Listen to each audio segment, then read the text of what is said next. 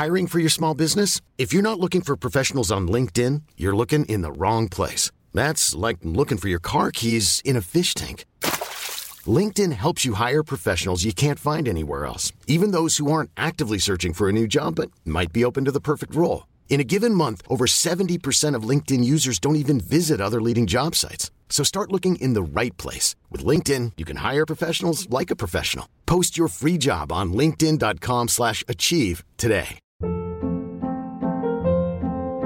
Hold up. What was that? Boring. No flavor. That was as bad as those leftovers you ate all week. Kiki Palmer here, and it's time to say hello to something fresh and guilt-free. Hello Fresh. Jazz up dinner with pecan-crusted chicken or garlic butter shrimp scampi. Now that's music to my mouth. Hello Fresh. Let's get this dinner party started. Discover all the delicious possibilities at hellofresh.com.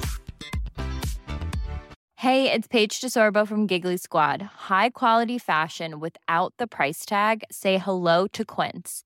I'm snagging high-end essentials like cozy cashmere sweaters, sleek leather jackets, fine jewelry, and so much more. With Quince being 50 to 80% less than similar brands.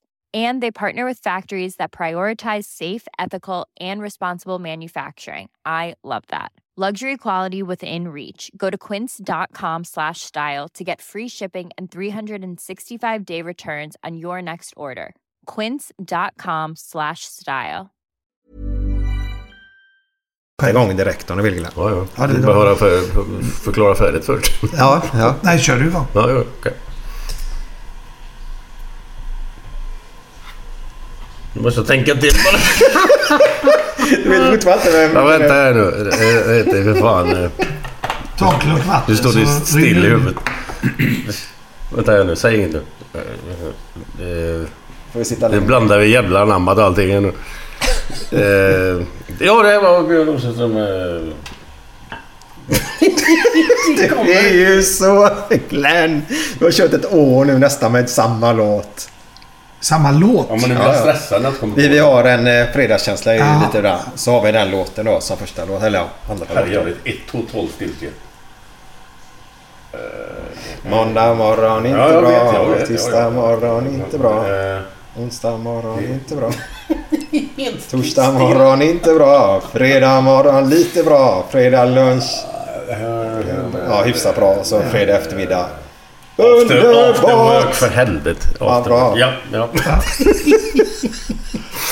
Sänds detta på fredag? Eller på en fredag? Ja, På fredag. ja. Så vi ville ge byggarna och de Ja. arbetarna lite fredagskänsla då. Ja. Så därför ta ett gott råd Lita aldrig på kvinns Det blir aldrig nöjda Det ska ha allt som finns ah, Börja om från början Börja om på nytt Tjena, tjena! Det var Glenn här. Nu är vi tillbaks med Gött Enna-podden. Och den här veckan är ju grymt alltså. För vi har en gubbe här som är en superlegend. Det är nästan smickrande att vara här måste jag säga. Vi är nere i Hovås. Och har sprungit på en eh, man som heter Mickey D. Det är inte att leka med. Tackar, tackar. Ja, välkommen, Man välkommen. blir lite Star Välkomna Trek. får jag ju säga. Ja, faktiskt. Star Trek. Nej. Star Trek. Glenn. Börja bara... Star Trek. Ja, vi kan sätta på lite. Ja men det är grymt. Hur Ja, fan. det är det kul att ha det här. Ja. Ja, vi är ju hemma hos dig idag då. Nu är vi hemma hos oss, ja. Ja. är vi. Och eh, det är jättekul att ha det här.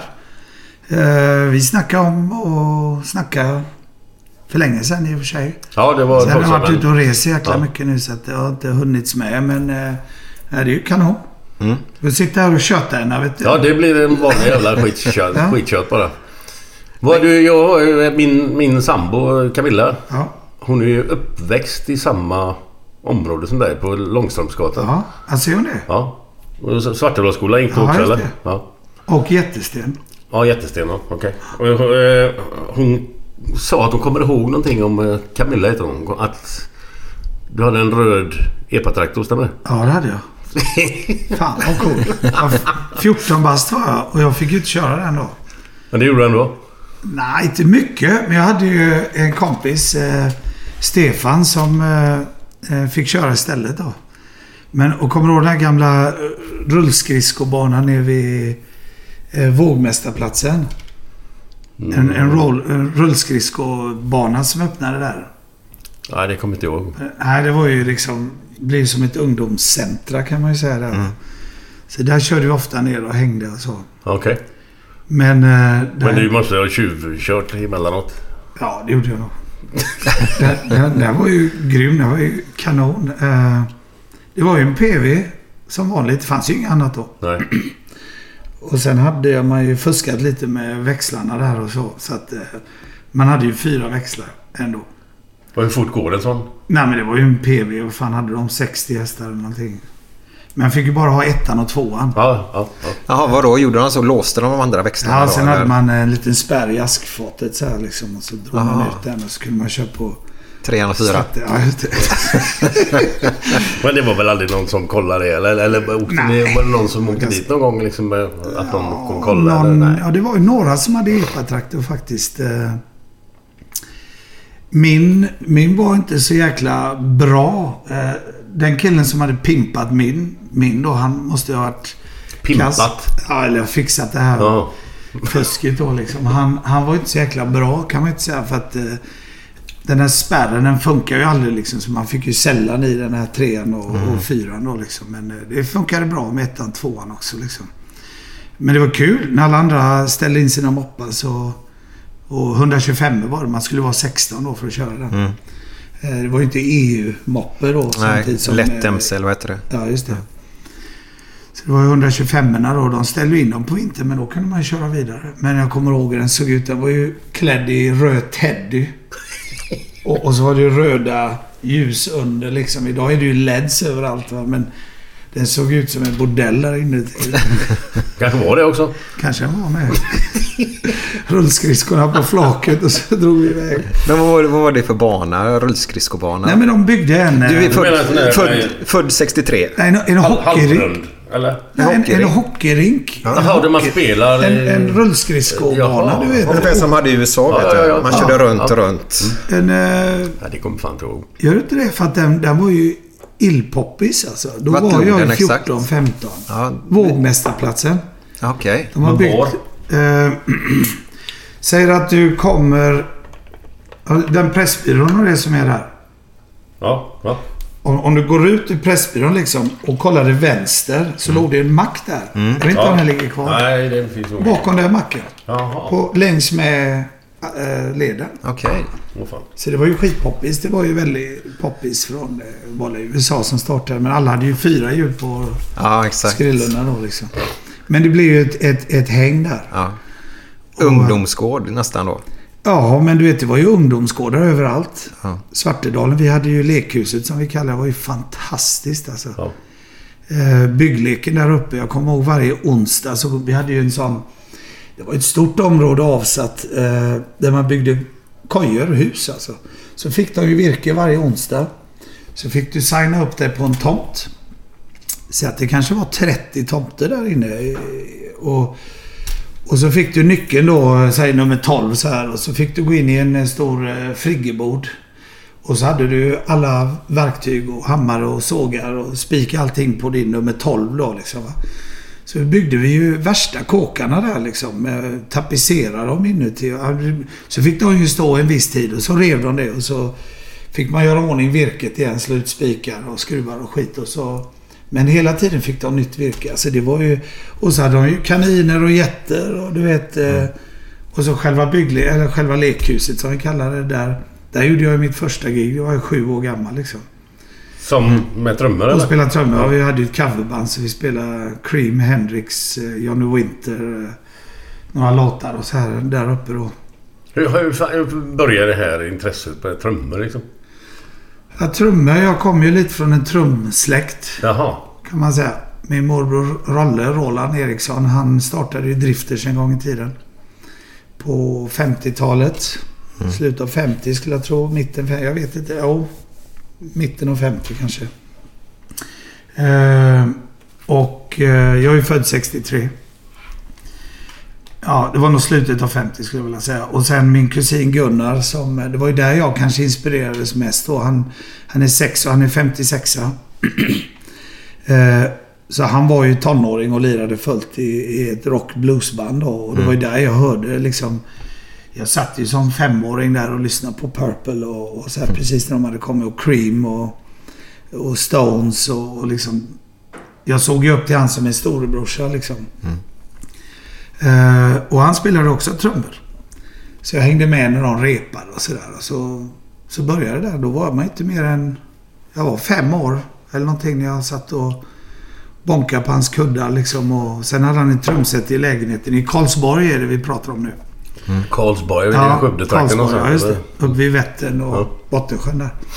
Stor militärstad för de som inte vet. Signaltrupper. Ja, Mm. Var det F6 det? låg ju där. F6 flyg. Jag tror att de hade signaltrupper och grejer uppe. Ja, men det är fallskärmsjägarna. Ja, ja, det också. Och, eh, och så F6 då, det stora flygfältet och så. Så det, det är ju en fantastisk liten stad. Va? Så jag tillbringar ju alla mina lov och alla...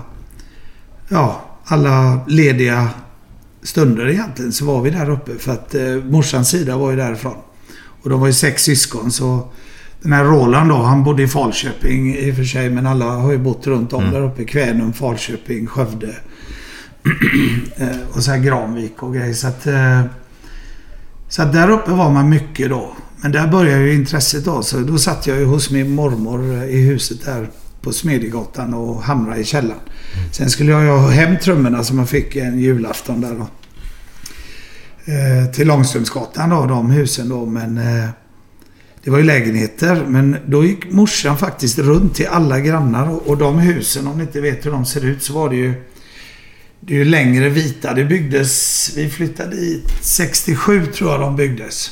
Nytt. Och det, det området är ju helt, var ju helt gudabenådat måste jag säga.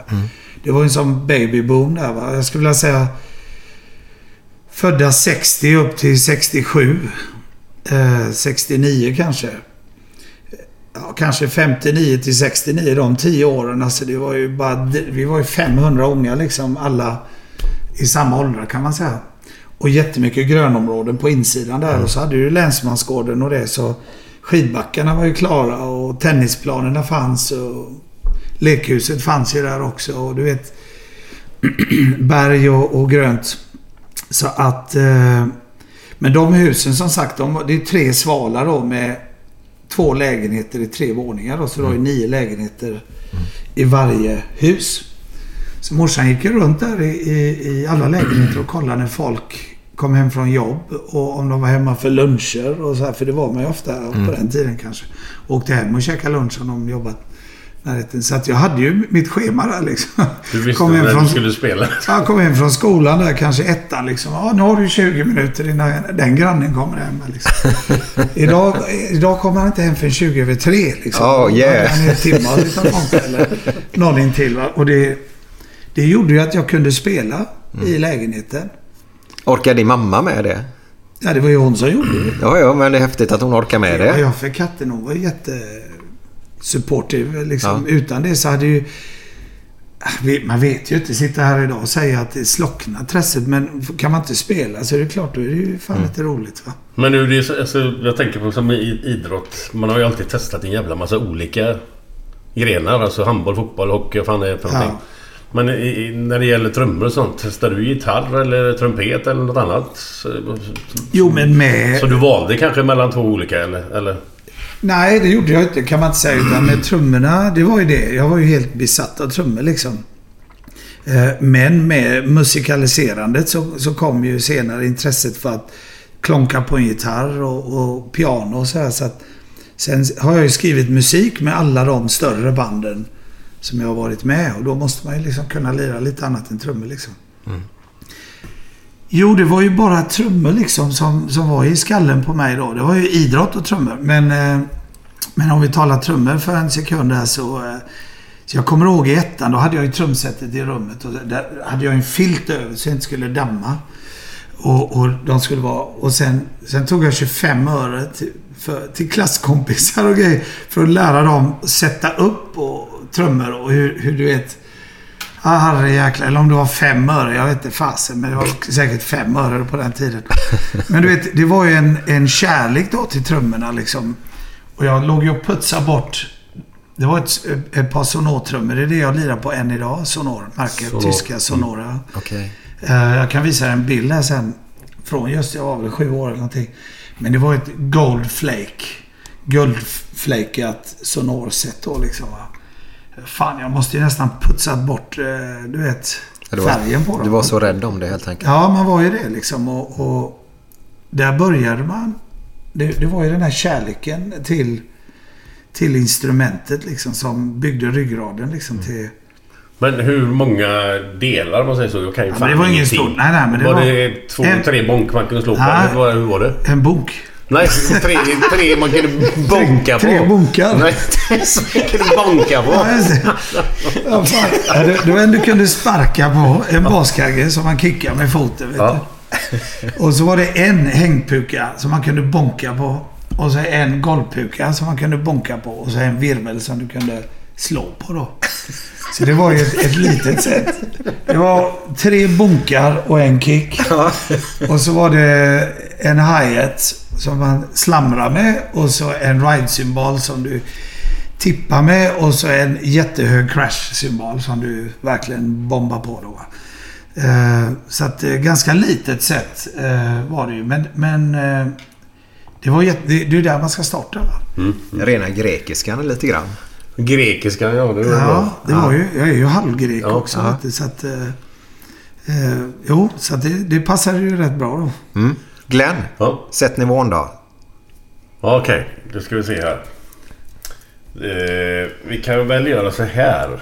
Vi brukar glömma sätta nivån så tar vi det i slutet Men vi ska se här. Sätta nivån. Ja, han ska se. Glens nivåsättning är ju hur bra den här podden blir nu då. Så allting hänger på Glenn. Okej. Jo, det var så här att... Eh, litet, ba, litet, litet barnet säger till mamma så här. Mamma! Hade det där stora odjuret skitna fötter eller? Va? Vadå för djur? Jo, i natt hörde jag att du sa till pappa att han inte fick låta det gå på täcket.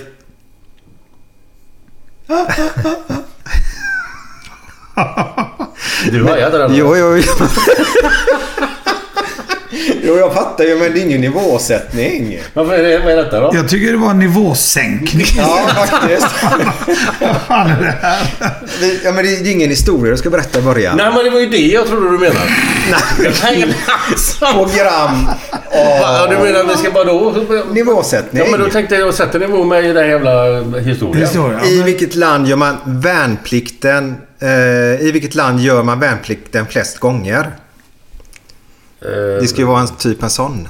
Jaha du menar sån? Nej, ingen historia alltså? Nej, historien tar du i slutet ja, av programmet ja, ja. Jag har ju flera stycken här. Ja, skit vilket. Ja, vilket land gör man mest det- värnplikten flest gånger? Armenien. Ja. Du, fan, han har läst alla mina alltså. Ja men då tar jag den här då istället då. Ja, en ja. kortis. Ja. Ja. Kan jag få låna din eh, båt? Nej, den är upptagen. Ja, Ja. för vintern. Ja, typ. Ja. Jag trodde vi skulle få svara, men det är lugnt. men han svarar ju inte. Ja, efteråt. Ja, för vintern. När den är såld. Ja, ja just det. Du hade ju båt. ja, jag har haft båtar. Ja. Ja. Men inte länge. Men ni bor ju, vi kan säga, åtta stenkast härifrån. Eh, Hovås båthamn, ja, det gör vi. ungefär. Ja, det är perfekt. Men det är bara att man inte är hemma på somrarna. Vet du. Alla är ju så sköna liksom att man... Man bombar ju på sig så mycket grejer så du inte hinner med någonting istället. Nej. Och, eh, ja, någon sommar... eh, Förra sommaren hade vi båten ligga där. Jag var ute inte ens en timme tror jag. Sen sålde vi den då. Sen eh, får man ju se när man börjar sakna den igen, eller en båt igen. Ja men vad fan då får vi se om man kan få råd att köpa en, en ny båt då. Ja. Men Det är, lite, inte... det är lite mick och så med en båt eller? Eller mix. Man måste jo, ändå det hålla, hålla det den igång lite grann. Ja, ja, eller? den måste ju gå lite. Och du vet, det växer ju igen här nere direkt liksom och så vidare. Jag menar, vad fan. Jag hämtar den på Lerkil. De, de har varit så kanon där nere på Lerkil. Där har jag haft en vinterförvarad under, under, under vintrarna liksom. Och så får de serva den då. Så att... Eh, eh, men du vet, kör den därifrån och hem. Stä- gör, gör till här nere på bryggan och så åker på turné. Så kommer jag hem i mitten av juli så ser det ut som eh, har längre hår än vad jag har på huvudet. Liksom, under. Alltså, gör, den ska göra 41 knop så gör den liksom 14 va. Den planar inte ens liksom. Och så får man möla ner hela vägen till Lerkil. Ta upp den igen, göra rent den. Och så upp igen då och så ställa den där och så åker jag iväg igen och så kommer jag kanske hem i september. Ja. Och så, så- ja, så har den växt igen igen. Alltså, det är för tråkigt va. Mm. Jag En liten inte- eh, snabbare snipa och så åka lite vattenskidor kanske bara för pojkarna. Ja men, ja, men alla har ju båt. Jag åker hellre med någon annan istället. Och man kan inte ha allting liksom. Makrillfiske då, är det något? Ja, älskar fiska. Det är så? Det är det jag saknar. Då måste jag fråga dig för vi... Ja, nästa gäst. Ska vi berätta vad nästa gäst blir eller? Det får du avgöra själv. Jag vågar inte säga flaska. Säg näst, näst, nästa gäst. Nästa. Jörgen gäst. Lennartsson har vi näst, ja, nästa ja. gång. Och det är dagen innan premiären då. Första april är ju premiären för Allsvenskan. Men det finns ju en premiär till då. Och det har du koll på säkert va? Makrillfisket menar du? Nej, öringfisket. Öringfisket? Det Nej, är jag, fiskar, jag har inte fiskat så mycket öring, öre, öron här hemma riktigt. Nej. Jag samlar på öronen. Men det finns ju i hela vattnet här nere Ja, nu. det gör det. Sen. det gör det. Men det har mest varit djuphavsfisk. När jag är Det ute är och tur att de finns i reser. vattnet. Ja. Ja. Öringarna som inte är på land. Ör- Kastar öron i vattnet. Eh, nej, mest blir det faktiskt fiske när man är ute och reser. Ja. I alla olika hav. Det är fantastiskt. Man är ute i... Vad är din häftigaste fångst? Det är en stor blå, eh, blå Malin. Det är så? Ja, Är det i sån spets? Ja, just det. Ja. Cabo San Lucas. Eh, fantastiskt nere om man eh, fiskar längs med Acapulco eller mexikanska eh, i, i Pacifiska där. Det är, det är kanon. Och sen har vi fiskat utanför Australien, utanför Perth. Eh, såna här jätte, jätte, jättefiskar. Alltså stora eh, grubers, havsabborrar Ja, just det. Ja, de är ju hemskt... Ska- De kan Det är de bli... som ser ut som monster eller? Ja, de ser ut som en stor abborre fast Ja. en större än oss. Liksom. Ja, okej. de är ju... De slår med sina gälar och, och suger in... eh, Jag menar herrejävlar, de kan ju äta upp en vuxen man liksom. Ja, de är, ju- kan ju gå upp till Ja. 800 kilo tror jag. Ja, just det. Men plockar man en sån själv på en lina? Ja, det gör du. Fast du får ju stå i tim, timtal.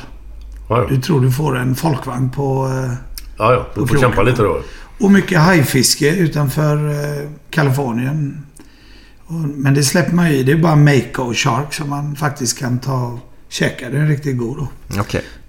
Men eh, fiske generellt är kul. Jag har inte gjort så mycket insjöfiske faktiskt. En del. Jag har varit uppe i och fiskat med Raffa Edholm uppe i Överkalix. Fantastiskt där uppe. Ja, just det. Han som du gjorde Kändisdjungeln med. Just det. Ja. Så att, nej, fiske generellt. Ja, jag gillar det. All, all slags fiske egentligen. Det är jävligt avkopplande. Ja, det är det. Jag såg ett klipp. Jag blev faktiskt väldigt chockad. Det var vid Alcatraz, heter det va? Alcatraz. Ja. San Det, Francisco. Ja, de har ju alltid sagt sådär då när de hade fångarna ute att eh, här kan ni inte simma ut. Det är hajar överallt och sånt där då. Så var det ingen som trodde riktigt. Eller ja, det var ju deras sätt att behålla fångarna kvar på ön då.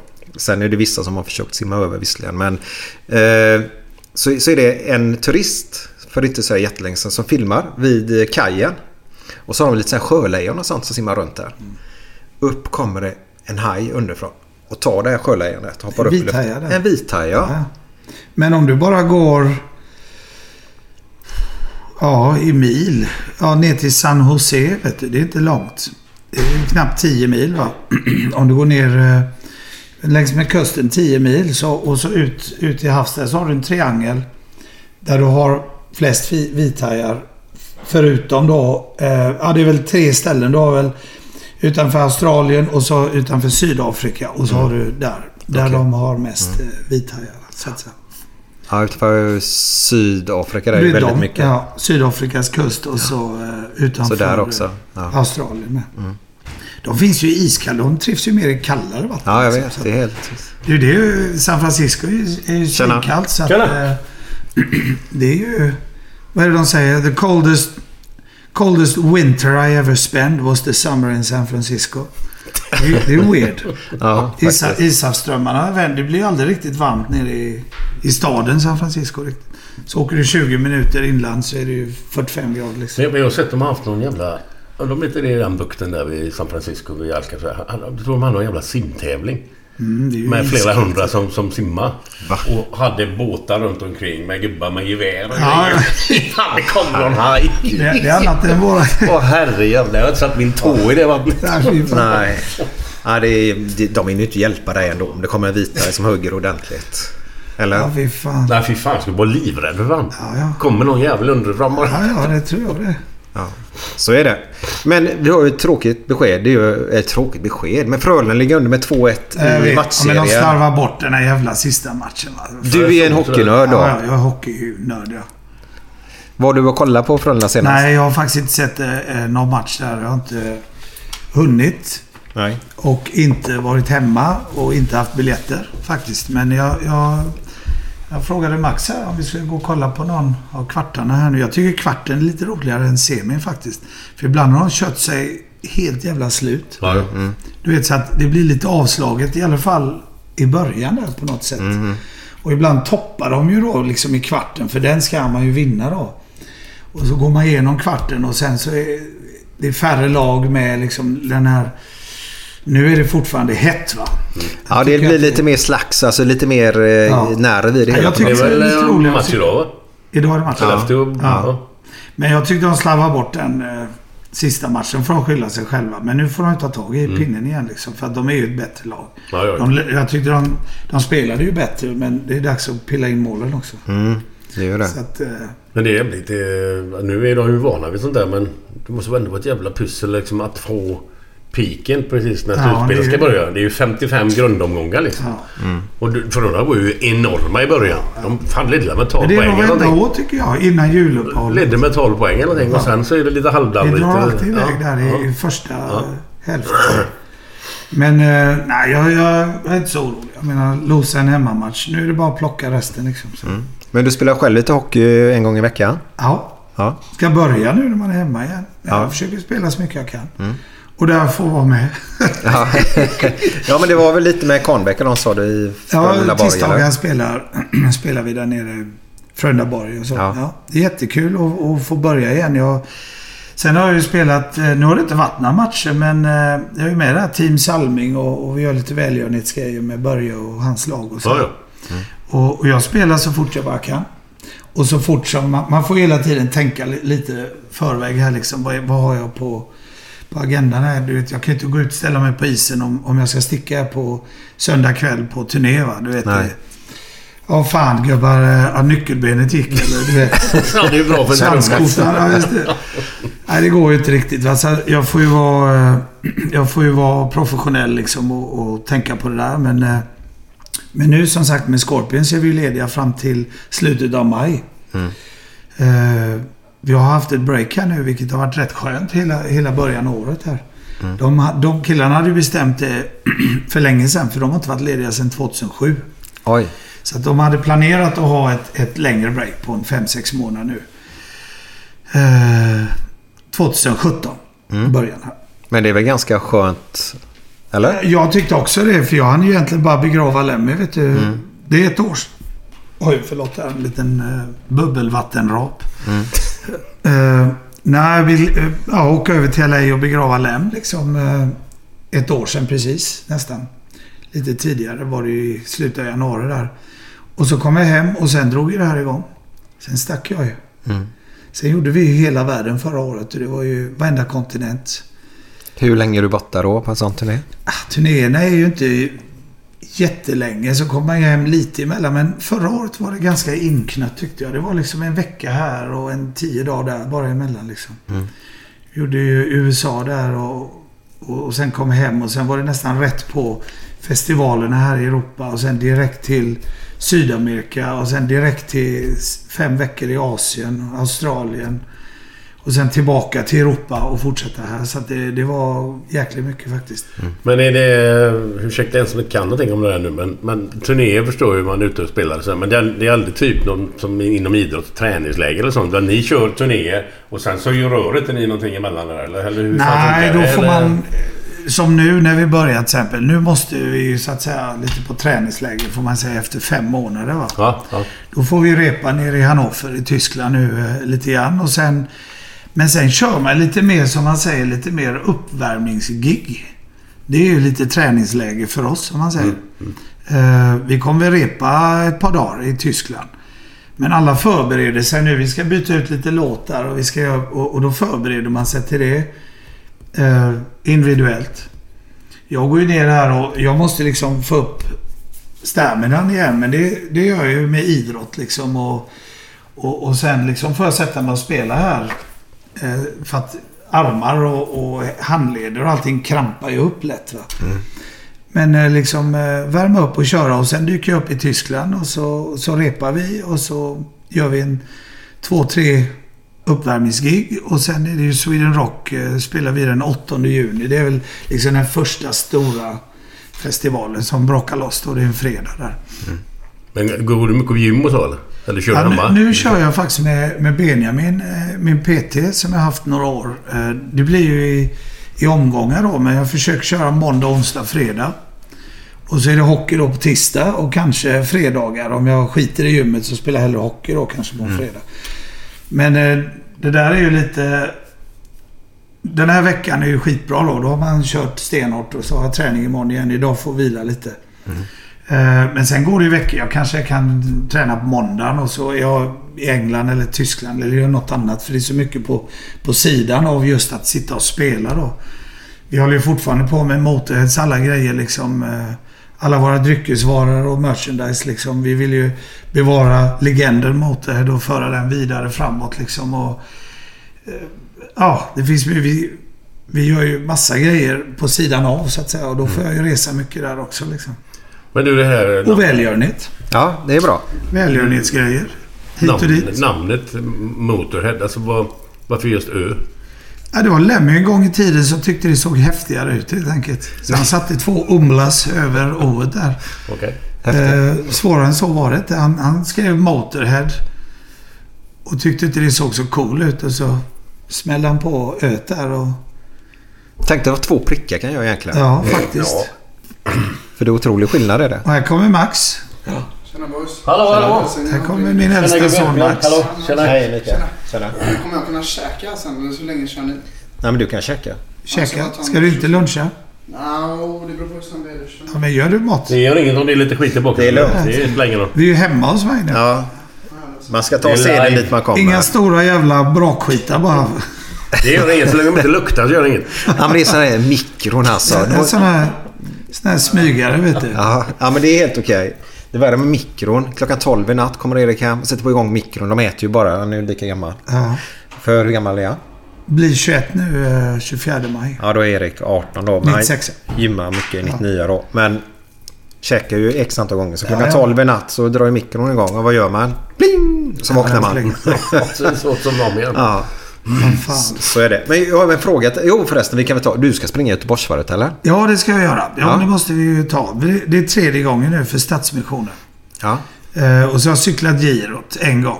Det har jag med gjort. Ja, det var ju kul. Det var jävligt mycket. Fan, vad alltså, roligt. jag ska säga att Det var enkelt. enk- De var mycket smidigare. Jo, men, ja, fan, det var, men och jag fick förfrågan att, att göra det också i år. Men jag sa en grej. Jag får vara nog liksom.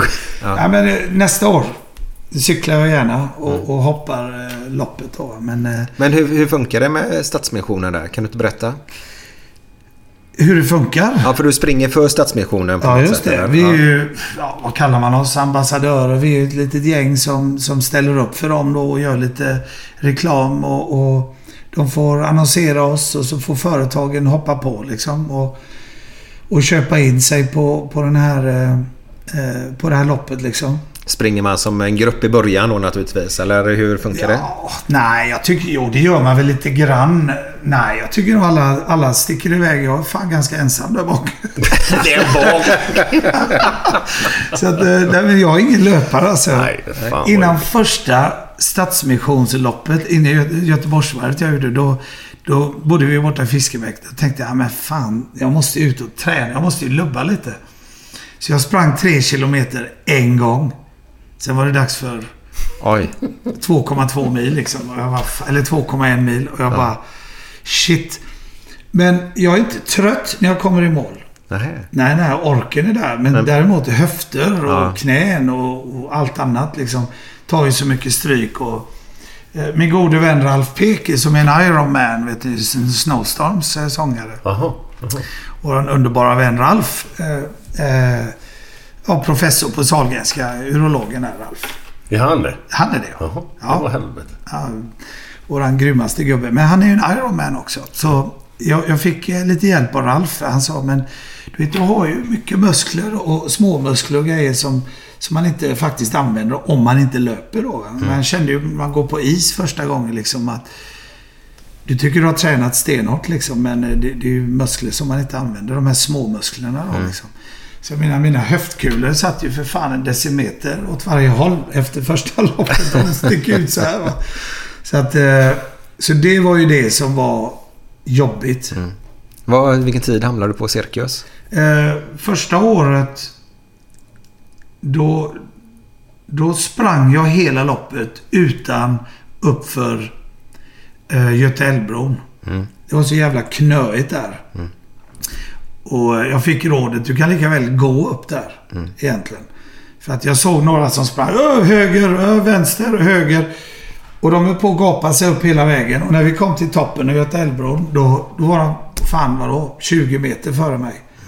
Och gjorde av med massa energi liksom. sicksackade mellan folk där. Så, så där gick jag med raska kliv. Det var enda stället jag gick. Och min tid var 2.19. Ja, men det är Det ju är inte så bra. jävla illa. alltså. Sprungit tre Det kilometer Det innan bra. en gång. Det är Det skitbra. är ju grymt. Och, och sen för andra gången jag sprang, då, eh, då hade jag fel skor. Nu ska jag skylla på materialet, men eh, jag ska inte säga vad det var för skor. Men jag lovade ett märke att springa i de skorna och det var egentligen inga, det var inga löparskor utan det var ju mer liksom man spelar innebandy liksom. Eh, och det kände jag efter ganska exakt en mil. Då tog benen, det bara stumna. Så den sista milen eh, var det mest plågsamma jag tror jag har känt.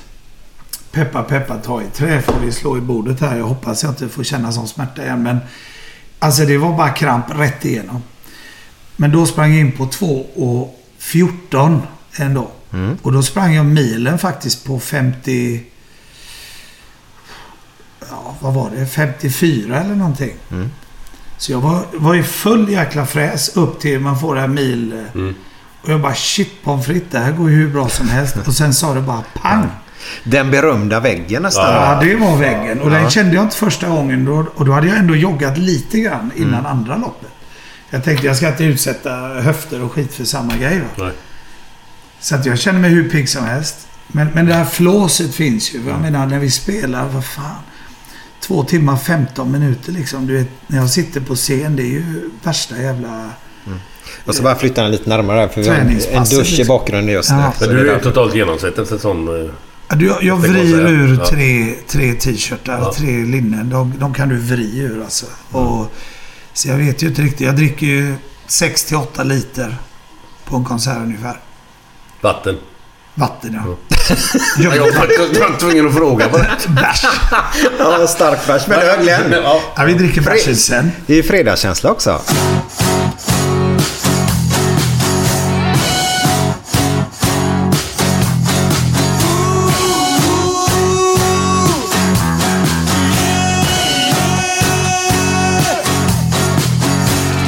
Måndag morgon, inte bra.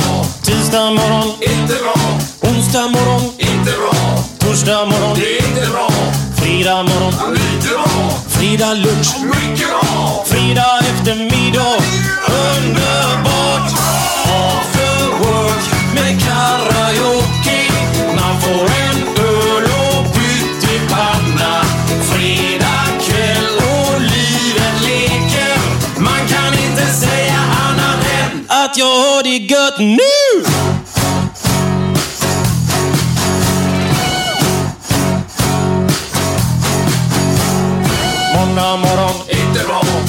Tisdag morgon, inte bra.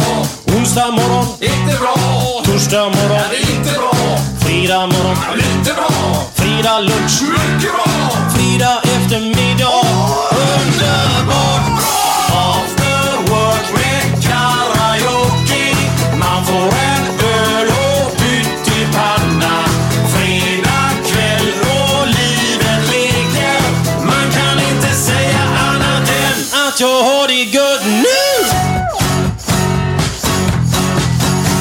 Jaha, det var den goa fredagskänslan igen med Björn Rosenström. After work. Den går inte av för hacker du. Men Det gäller bara att komma på den. Jag har suttit i två minuter här nu.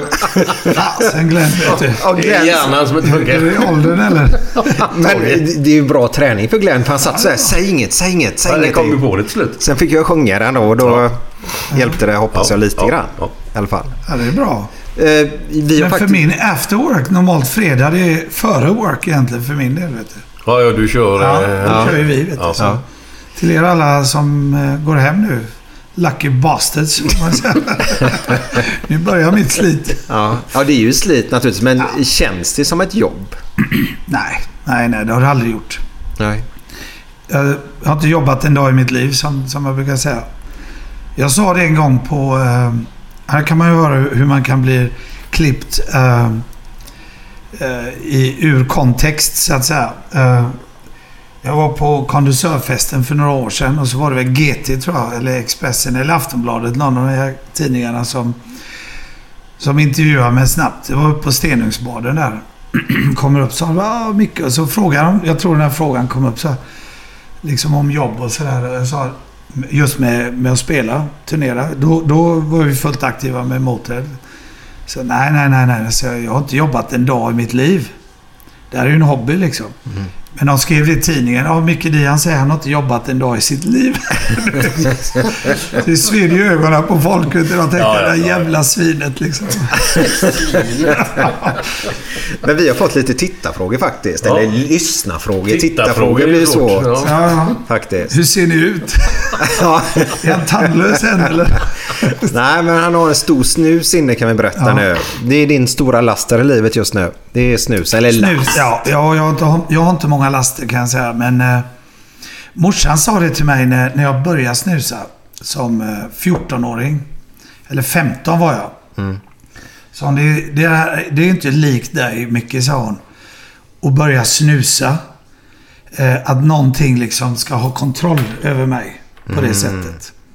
Och det tänker jag på som vuxen. Fan vad rätt hon hade. För det, det är ingenting som har haft det liksom. Eh, Utan jag har ju kört min, min, my way och the highway lite grann. Va? Eh, Men där eh, sitter jag banne mig fast.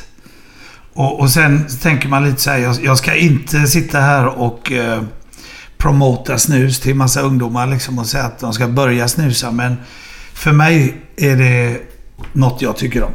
Så kan man säga. Men det är ju ett gift, det är ju nikotin. Så jag, jag föreslår inte till någon att de ska börja med varken cigaretter eller, eller snus. Men, eh, men eh, det är min last liksom. Och, Men det var ju så när du växte upp och Glenn och även när jag växte upp. Då pojkar snusade runt 15-årsåldern där. man snusade, man gick i högstadiet där. Det var ju... Men hur mycket, hur mycket drar du i dig på en dag då? Ja, det blir ju en och en halv till två doser på ett dygn. Brukar jag säga. Det är ju rätt mycket alltså. Ja, men du vet, det går, man, man börjar morgon och snusa och sen... Vi, vi tar en typisk eh, dag när man är ute och reser liksom. Så, så tar man ju första prillan där på morgonen och sen... Eh, sen framåt kvällningen så, så är det ju nästan slut. Då ska man ju vidare ut eller någonting. Då tar man ju en ny dosa. Och den tar ju helt klart 100% slut om man nu går vidare liksom. Och så har du kanske två pajar kvar liksom när du kommer hem på natten. Men kör du snus under spelningen? Nej, det liksom? går ju inte. Det går, Nej, det inte. går inte. Nej, för katten. Nej. Nej. Nej, men eh, man hoppar in i duschen efter gig där och lägger sig liksom röd som en tomat. Och då, då åker den största prillan in kan jag säga. Mm. Ligger man där bara och försöker eh, andas. Du har ju snackat mycket med Ralf Edström. Mm. Han har ju lärt andra utländska spelare att snusa. Vissa, inte alla, men, men ett par stycken. Har det hänt samma med dig eller? Absolut. Har du lärt någon annan att snusa? Ja, jag känner av mig skyldig. Jag känner mig väldigt skyldig. ja, men grejen är sen du vet det slutades att röka på plan, vilket är Mm. otroligt att man ens fick göra till att börja med. Så började jag menar, om man tar mina gamla kollegor i Motorhead, du vet de Lemmy och Phil, de sa ju och Croon. Oh, that's a nasty habit you got there Mick. Du vet, de tyckte det såg för jäkligt ut. Och bara garva åt det. Men de har ju krypit upp på nätterna över Atlanten eller de här långa flighterna. Hey Mick, can you roll one of those little fucking shit things you got? Så får man rulla upp en liten snus. Du vet, de var ju storrökare liksom. Ja. Eh, Och sen även crew då som slutat röka och börjat med påsnus. Och det tycker jag var svinbra. Och sen slutade de snusa. Så där har man gjort dem en tjänst istället. Ja, en nedtrappning kan Ja, man kalla absolut. det. Ja. Fast egentligen är det ju en upptrappning om man talar nikotinmässigt. Ja, nikotinkicken är större på en snus än Det är ju mer alltså. De Ja. säger att det är ju tre gånger cigaretter egentligen. Men det är klart. Men men mådde de aldrig dåligt? I, i början. Svalde de inte snus och grejer i början? Eller? eller? En gubbe en gång i Danmark, det var ju för jäkla kul. En, en, en nyårsafton. Vi, det var när, man, när jag bodde i Köpenhamn. Det var innan hela den här cirkusen. Skulle vi på en nyårsfest och vi satte oss faktiskt på en buss. Så satt en dansk fyllo bakom oss. Vi satt och småpratade, jag och en kille som hette Petta. Peter. Eh, och så sa jag eh, må jag lis med? Säger han. Jag måste smaka. Och, och vi tänkte inte så mycket utan jag bara, ja ja för fasen. Här, här får du dosan. Sen glömde vi av det där lite sen. Sen skulle vi ha, Oh shit min dosa liksom. Och titta bak på den här gubben. Då hade han ätit upp i- hela dosan. Snus runt hela käften. Grattis! Ja, jag visste inte. Och jag sa, fan du kommer ju må svinbra här om, vad ska vi säga, en kvart, 20 minuter så ligger du utanför. Va? Nej, stackars jäkel va. Men jo, det är klart de blir lite gröna i fejan. Käkar han det alltså? Han åt upp hela jävla dosan va. Dansken. Ja, vad jag säger. Danskar är inte Ja, det, smarta kanske ibland. Nej, han var det inte i alla fall. Nej. Men jag skulle få en fråga. Eh, saknar du din Honda CB400? Nej, Du gör inte det? men den var himla fräck när jag hade den. Ja, vilket år är vi på då? Uh, uff. Det var den första tunga motorcykeln jag hade tror jag. Ja. Nej, nu ljuger jag. Jag hade en 250 som såg exakt likadan ut. Hade jag när jag... Jag köpte den när jag, jag körde lätt motorcykel och sen köpte jag den här 250 då. Men jag fick inte köra den på ett tag. Sen eh, kanske jag testade den lite då och då. Men, eh, men sen 400 ja. Nej, jag saknar inte den men... Eh, men den, den var cool. Mm. Det var Jan Ginstrand som frågade detta. Ja, men sen han kanske tänker att jag hade 900 Boldoren också. Det är mycket möjligt. För den såg liksom Likadan ut. 250, 400, 750 och 900. Mm. De såg likadana ut lite grann. Så det är kanske 900 han tänker på. För 400 hade jag inte speciellt länge. Alltså. Nej. Det märker vi när han Ja. får höra svaret. Så Ja. kanske han kommer tänka på just det var 900. En, en blå 900 Boldor. Ja. Har du motorcykel här idag eller? Nej. Nej. Så eh, Glenn. Ja. Jag har hört att du blivit stoppad av polisen. Ja. Och, och eh, din son Alexander i bilen också. ja. Vad hände? Vad hände då? Vi var tidigt en morgon uppe i Lunden. Vi kom ut från lägenheten. Vi skulle göra någonting. Åka någonstans tidigt. Som fan var det vid sextiden morgonen. Och vi hade en sån här... eh, Vad heter det? Van eller vad kallas det? En bil som är lite större än en vanlig. Ja, en van. van heter det van? Ja. Skåpbil, Ja, van. skåpbil typ. Eh, så kom det två polisbilar. En stannar framför, en stannar bakom. Blåljus. Ding. Tänkte vad i helvete är det nu? och de kommer ur bilen och vi går ur liksom. Och så börjar prata. Och så sa den ene någonting och sen säger den andra Vad fan är det du? Säger han då. Som tur var kan jag ju tycka då. För då blir det så mycket mer snack. Vad, vad är det frågan om? Så vad fan är det som har hänt? Ja, då hade de rånat den här tvättbutiken som ligger precis mitt emot. Och snott i alla kläderna där inne. Ett gäng som hade stuckit därifrån. Och så hade de hoppat in i en sån här bil som vi hade. Ja, det är klart. Då blir ni stoppade. Så vi blev stoppade och detta är fan sex på morgonen liksom. Ja, shit. Så att det var ju... eh, Det kanske var lite flyt att han kände igen mig, den här killen. Det är fördel att vara För lite det känd gick ju ibland. lite smidigare då. Annars kanske man hade stått och tjafsat en stund. Jo, men flera gånger har, har ju det där hänt. Hänt dig med? Ja, inte... Ja, faktiskt. Eh, Kan, kan du berätta? Ja, Sverige har inte, har inte varit någon fara liksom. Men, men i, i Kalifornien eh, eh, blev jag stoppad en gång. Eh, också. Eh, av miss, missförstånd då va. I en Corvette. Som var carjackad, alltså snodd på gatan då. De trodde att det... Och, och signalementet hade ju varit eh, en, en ja, långhårig snubbe liksom. Som hade tydligen någon, någon riktig jävla sån tjackgubbe då. Någon, någon, om man var hemlös eller men, men du vet så det var ju och där är det ju där är dragna vapen liksom och full fullt pådrag va. Och de tar inga jävla... Nej, de tar inga risker där. nej. Så nej. att, eh, och jag hajar ju ingenting. Det, det var mitt på dagen, klockan 12. Jag har precis rullat in på en mack liksom och där bara... det- Ja, jag vet inte om de hade haft span på mig då innan liksom. Eller någonting. Va? Men de fått något signalement, rätt bil, något eh, registreringsnummer eller något. Eh, tydligen hade de inte det för det stämde ju inte på min bil då. Men, så det var, men, eh, men då var det en, en kille som... Då spelade jag med Docken. Det var efter King Diamond och innan. Så, och han var ju Docken-freak den här polisen då. Va? Han var från Redondo Beach där vi bodde också då. Och då sa ju han samma sak. Mycket dy, säger han. Och jag bara, what the hell's going on? Och han sa, sänk vapnen, säger han till sina kollegor. Ja, det var säkert fyra bilar liksom som hade nästan omringat mig där på macken då. Så att det var ju, det var lite scary alltså. Ja, det förstår jag. Helst i USA Ja, där är det ju ännu värre för fan. Ja. Nej, det känns som det är lite lugnare i alla fall just med att dra vapen. Ja, men, men vad fan, det är ju dags för dem att börja göra det tycker jag. Ja, det händer alldeles för mycket skit. Det händer för mycket jävla skit nu och jag tycker synd om, om våran poliskår faktiskt. Ja. Eller synd ska man inte säga. De är Jo, men jag tycker det också. enormt skickliga, men det måste vara lite hopplöst för dem. Får Mm. jag säga. Inte synd om dem. Fel ord, men, men, men det måste vara väldigt hopplöst och, och liksom inte få lov att ta någon i örat liksom, utan att folk skriker... Och, och sen, Bloody sen är det ju när vi ändå är inne på det. När vi börjar fladdra lite i öronen. Börjar fladdra lite i Det öronen. här älskar Glenn. Glenn älskar detta. Nu jävlar. Nu Ja, men jävlar. alltså, så fort det är en polis... mörk mask här. Så fort, så fort det är en polis som rycker ett vapen och skjuter någon eller så fort det är någonting som de, de gör någonting mot en jävla dåre som kommer med en sabel med Ja, blod det. på ut från en lägenhet. Skjuter den. Då är det en utredning Ja, av ja. polisen. Ja, ja, ja, visst är det så. De vågar ju för fan knappt dra någonting för de vet att nu kommer det bli ett helvete om jag skulle skjuta han i benet eller någonting eller... Nej, men du vet, jag tycker ju... Jag är så jag, trött. jag tycker ju att lagarna är ju från, från 1800-talet. Nu får jag måla upp en bild här. Nu, nu kommer en inbrottstjuv här va. Bryter sig in i en sån här uh, Villa Villekulla-villa, du vet. Gubben vaknar längst upp med sån här nattmössa med en boll på. Ja, just den också. Ja, just det.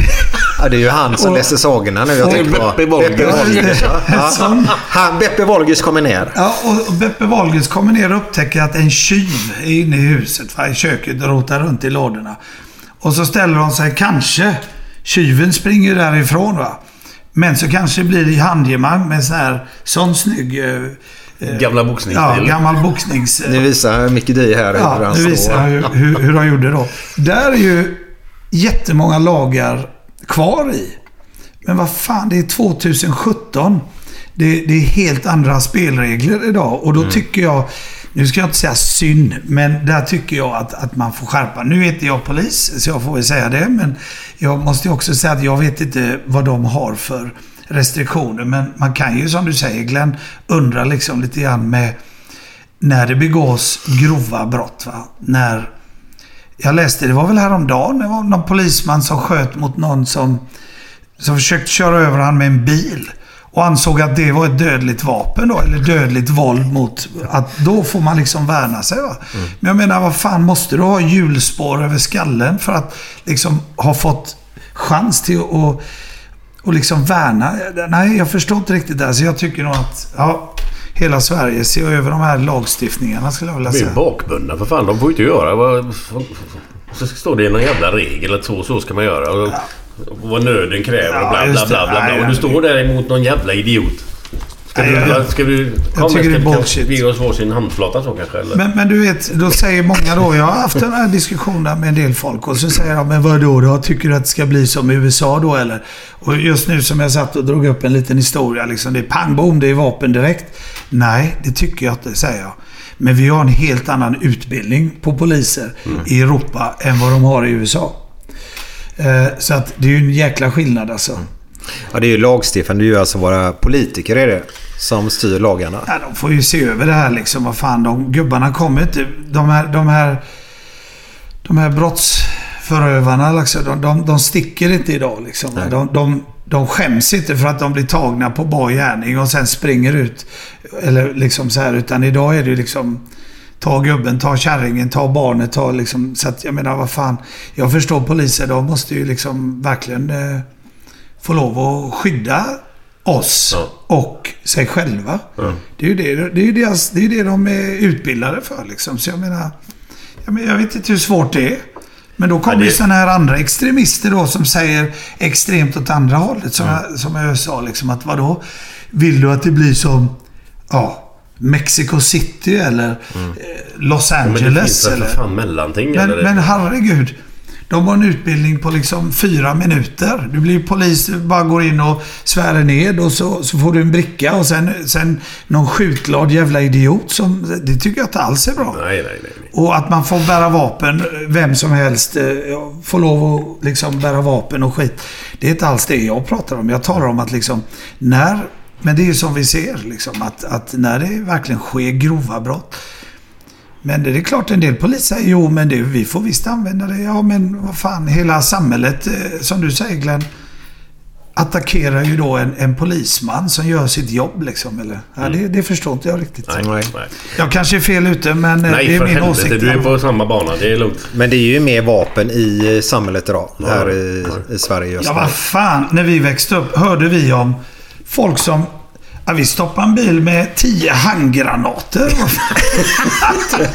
Vad fan åker folk runt med handgranater? Det var på sin höjd en slangbälla i baksätet. Ja, Jag hade en slangbälla i min epatraktor. Ja, så var det finnarna bar kniv. Det var Ja, ja, ja, det var ju det läskigaste. Ja. Att, finnarna slogs med kniv. Ja, det... Du, jag måste bara fråga en sak. Di, var kommer det ifrån? Micke Jo, Di, men det kan jag ju förklara det? då. Micke Di. Vi lämnar det här med samhällets problem Att man bara kanar iväg. Nu är det ju after work. Nu ska det vara kul grejer. Ja. Nej, eh, jag heter ju Mikael Delaoglu. Deloglu. Delaoglu. Var, var kommer det här Det är Georgio? grekiskt. Från min Georgio? pappa. Eller uttalar man det så? Delaoglu uttalar man det. Delaoglu. Det står ju. Ki, Nej, Kyriakos är mitt mellannamn. Min farfar Jaha, hette det. Ja, nej, jag heter inte Kyriakos. I, nej. Min farfar hette Kyriakos och jag fick det efternamn, eller mellannamnet. Mikael Delaoglu Mm. heter jag. Men du vet, då kallade, när jag växte upp så var det eh, Della Gloglog eller Glogogleg. Dollar Doll. Ja, vad fan det nu heter. Det var ju så. Eller så var det Micke. Och sen satt vi på en eh, Englandsfärja du vet, som gick till Harwich. Ja. Göteborg Harwich en gång i tiden. Och skulle göra en eh, första stora Kerrang! Vad är det? musiktidning som var jättestor. i- Ja, den är stor fortfarande.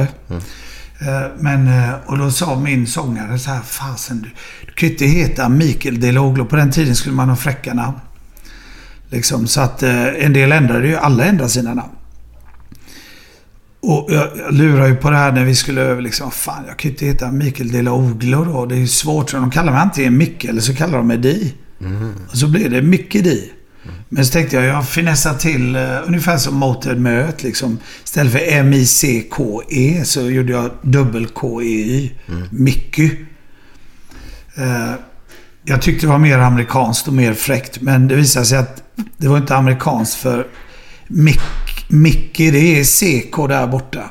Men då blev det... Men det, ja, det blev lite unikare i alla fall. Så de kallar mig antingen Di eller Mickey. Ja, ja. Och då blev det Mickey Di. Ja, ganska logisk Ja, förklaring ja, faktiskt. Men mot, motorer där, hur, hur startade det? För mig. Ja.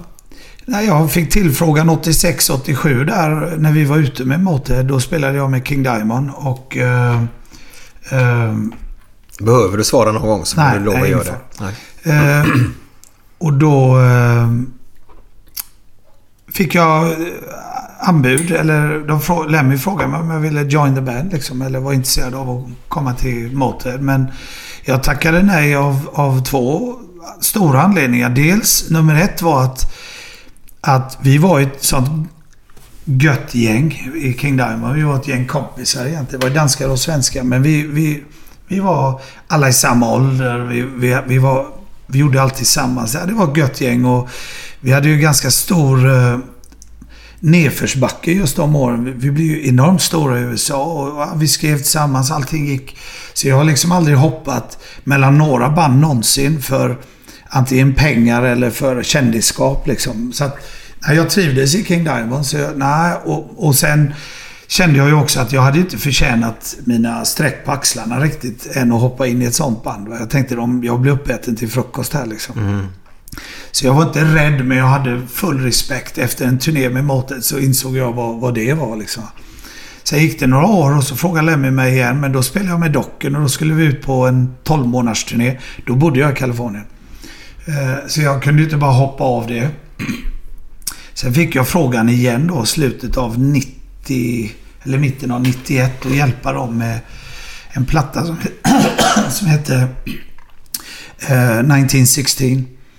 För då var Taylor, Phil Taylor då, eh, originaltrummisen kan man säga som inte gjorde så här. Han, jag tyckte han spelade ganska bra på plattan men Lemmy och de var inte riktigt nöjda med hur, hur saker och ting eh, gick till. Så att de frågade mig, men då, då hade jag... Ja, då, då var det mer intressant för det, docken höll på att liksom rinna ut i sanden lite grann här va. Jan Norum var ju med där bland annat och han... Eh, 92 så stack, skulle de väl göra någon, han skulle göra någon soloplatta och Peter Baltes från ett band som heter Accept. Han skulle väl, de snackade om att göra någon reunion med Accept och... Så att jag kände att det här, det rinner ut i sanden här lite grann. Så jag hoppade ju med där i slutet av 91 då med Motörhead och 92 officiellt då. Eh, och sen eh, drog vi på turné och sen, sen dess så, så var det nästan 25 år vet du. Hur var den första spelningen på Motörhead? Hur var det Ja, det var ju... då Ja, herrejösses. Det var lite rolig story där men jag ringde ju till min manager och sa boka upp en vecka på Mates, som det heter, repstudio. Och jag fick ett samtal från Rem- Lemmy. Det tog fan en kvart bara. Ah, en vecka säger han. Vad fan, det räcker väl med tre dagar eller någonting. Om du spelar du hälften så bra som du gjorde med, med King så tre dagar. För vi skulle ut med, med Ozzy på No More Tears-turnén. Hans sista turné då, 92 egentligen. Sen vet vi alla att han har hållit på till nu egentligen. Så Ja. det var, men han skulle lägga av då. Och första giget var i Saratoga i New York State. Och det slutade ju med, jag var nere i replokalen för fan tre dagar, men jag såg inte röken av de andra. Lemmy var på Crazy Girls i tre, tre dagar. Och, Crazy Girls, vad är det? det? Det låter väldigt misstänksamt. Det låter som vad det är. Är det så? och och Phil, Phil och Versal som var med då. De var på något som heter Cat in the Fiddle, en eh, engelsk pub. Så jag såg ju fast inte röken av dem liksom på tre dagar. Så jag satt faktiskt och lärde mig 18-20 låtar egentligen. På, på, på en, eh, en Walkman och en Discman liksom på väg till, till, till New York. Och så gick vi upp för 40 000 pers. Jag hade inte repat en minut. Va? Du vet, det var ju darrigt kan jag säga. Vad hade ni med de andra docken när ni spelade med dem? Hur mycket folk var det då? Ja, det var, det var ju mycket folk också. Var Ja, det. det var det. Ja, det var det. Docken var ju ett jättestort amerikanskt band då. Eh, var det. Så att eh, det var hur kul som helst. Det är kanske en av de roligaste turnéerna jag har gjort de 12 månaderna. Det var fantastiskt. Men eh, det var ganska skakigt kan jag säga när jag skulle gå upp eh, den första giget där. Och jag tyckte det lät för jävligt och de andra kom och sa att fan vi har inte låtit så här bra på 15 år. Nej men Motörhead var lite ute och cykla just då. Eh, för att de hade mycket problem med både branschen och kanske med medlemmar så här lite grann. Och de hade liksom satt sig i någon slags bekväm stol och åkte bara med. Jag tyckte att Motörhead skulle låta shitty good. Medan jag tyckte att de lät shitty shitty liksom. Motörhead ska låta dåligt, fast bra dåligt. Då, är det, då är det riktig Motörhead. Va? Ja, förstår. Smutsigt bra. Va? Eh, Men de, de lät liksom Smutsigt, dåligt, smutsigt. dåligt. Ja, de hade tappat. De repade aldrig och de, de hade tappat det här. Och de satt i en stol och åkte med liksom på sin... Ja, att, att de hade Var gjort det. mycket Liksom. att kröka och grejer då eller? Ja, det var för mycket av allting egentligen. Ja, ja. Och, och ingen koll på folk runt omkring. Du vet med, med, med businessen och, och så här va. Och, ja, det verkade vara lite kaotiskt kan man säga.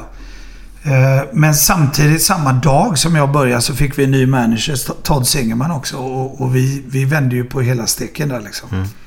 Vi, vi bröt upp allting egentligen. Vi, det var en helt ny organisation vi drog ihop och, och helt plötsligt så... Eh, jag var ju inte riktigt glad över den turnén. Jag tyckte att... Eh, jag var ju på väg att säga liksom att nej... Eller jag sa faktiskt att... Att det här kanske inte är riktigt det för mig då. Men eh, Lemmy övertalade mig att göra Europaturnén. Vilket skulle vara näst efter USA då. Och då skulle vi ha Saxon som förband. Och jag vet att Saxon, liksom, de kicked ass alltså live. De, än idag hur bra som helst live. Kan man gå och se Saxon så är det ett jättebra gig. Va? Och de var fantastiska liksom. Så jag sa till Em att fan kan vi inte repa ett par dagar i London liksom och sätta de här detaljerna alltså. För de kommer spela ut oss från scen liksom. Om, om inte vi... Oh, det, så vi, vi repade på något som heter John Henrys där i... Faktiskt i två hela dagar. Eller något sånt där va. Två... Innan den eh, Euro- Europaturnén. Och självklart blev det ju fantastiskt mycket bättre när vi liksom gick igenom de här grejerna. Och sen efter det så eh, tog det ju eld i, i allting. Lemmy och de var ju hur repglada som helst då va. Som vaknade till hur jäkla, hur mycket vi höjde oss från en turné till en annan liksom. Ja, de märkte också det. Och i slutet måste jag säga, då var det ju Lem som tjötade med på, på oss att repa. Medan jag, ah, nej men vi, jag tror inte vi behöver repa. Så. Var, var det ändå hans stil plötsligt då eller? Eller vadå? Ja, jag tror att... Eller uppvaknande lite grann. Ja, ja. Skulle jag vilja säga. Ehm, Fick ju sparka igång dem lite grann där va. Och eh, det är som jag säger Glenn, och du vet ju det inom idrotten också, måste man väl ändå säga att man kan ju aldrig sitta i en bekväm stol och tycka att man har gjort det liksom. Nej, nej. Utan det är ju ett konstant tränande och konstant kämpande.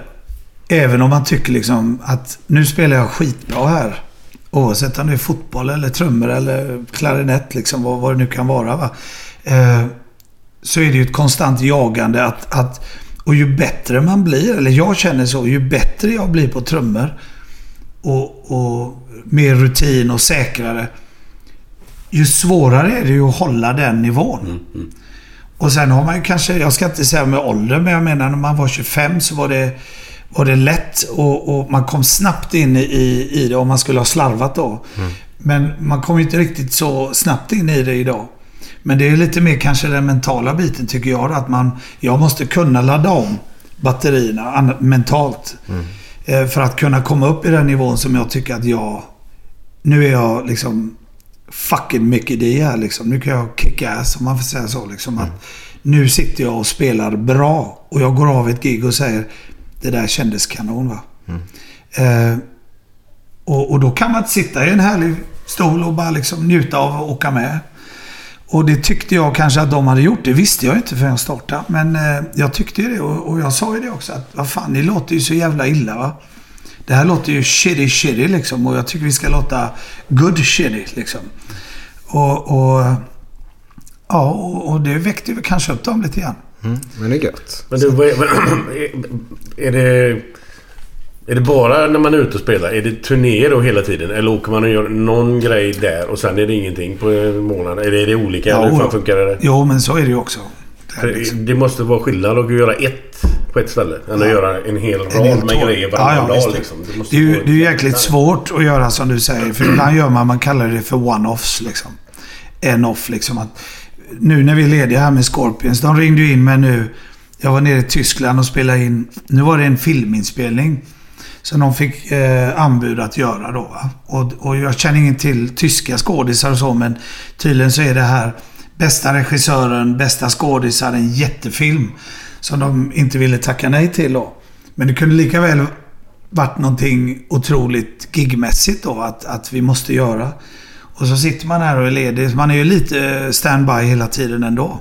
Och de är ju jättejobbiga då för man är ju inte förberedd varken fysiskt eller mentalt. Va? Men det får man ju räkna med. Att det kommer.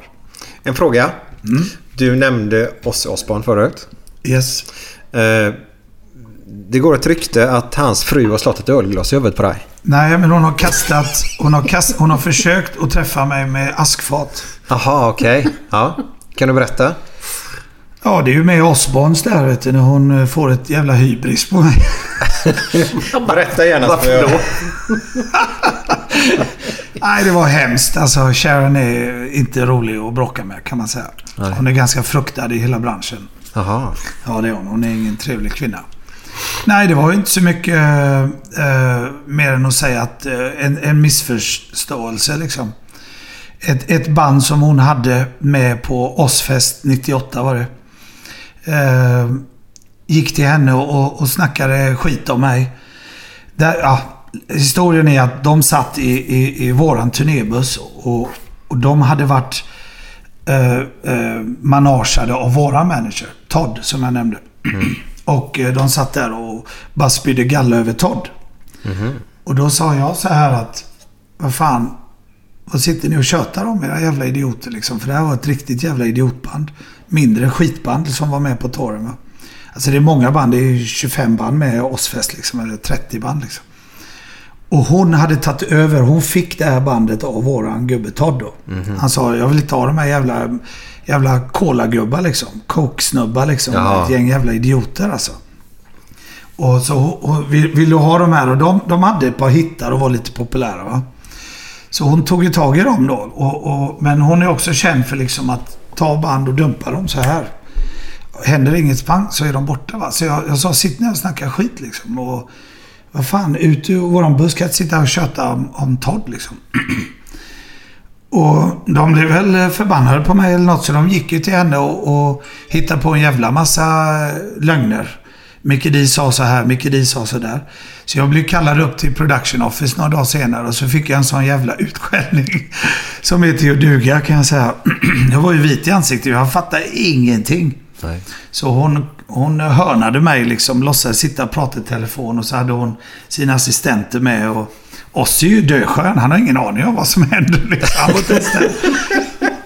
Så att, eh, nej, jag blev hörnad i en hörna i Ossis dressingrum och så gick hon... Eh, she went to town, som man säger liksom. Och herre jävla vilken utskällning jag fick, vet du. Och det var ju allting va. Och så tar hon upp askfat, såna här stora eh, askfat vet du. Och de venjer genom eh, luften.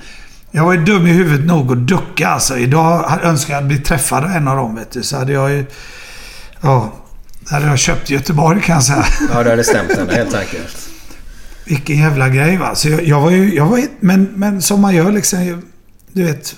Man, jag, jag fattar ingenting. Men så, så du någonting till fanskapet då? Eller svara upp någonting? Eller vad fan vad gör du? Givkärring? jo, jo, jag sa what the fuck are you doing? Och, liksom, och hon bara stod och skrek alltså. Liksom bara vråla va. Din jävel, din jävla svensk och... Du har slingat håret också, tyckte hon skrek. Du. ja, du vet. Fan. Ja, det var ju helt otroligt. Ja, men det var ju lite chockande sådär liksom. Och det är ju ingenting man... Alltså jag var helt o... Jag trodde det hade hänt någonting hemma. Liksom med familjen. Alltså jag var uppkallad. It's an emergency. De vill se det uppe i production. Sharon vill se det. Och jag tänkte, nu har det hänt någonting liksom. Att eh, Mia har ringt eller... Max var bara två år gammal liksom. Så jag tänkte, vad fan. Jag rusar ju upp dit eh, liksom nästan chockad över det har hänt något. Och de försöker få fatt på, på mig liksom genom huvudkontoret där. Production office. Hej, Eh, heter Ryan Reynolds. På Midmobile vill vi like to do opposite of vad Big Wireless gör. De laddar you mycket. We charge you a little. So naturally, when they announced they'd be raising their prices due to inflation, we decided to deflate our prices due to not hating you. That's right. We're cutting the price of Mint Unlimited from $30 a month to just $15 a month. Give it a try at mintmobile.com slash switch. $45 upfront for three months plus taxes and fees. Promo rate for new customers for limited time. Unlimited more than 40 gigabytes per month. Slows. Full terms at mintmobile.com.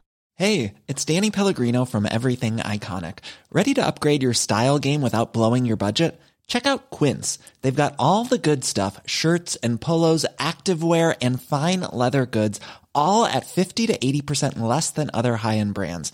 And the best part? They're all about safe, ethical, and responsible manufacturing.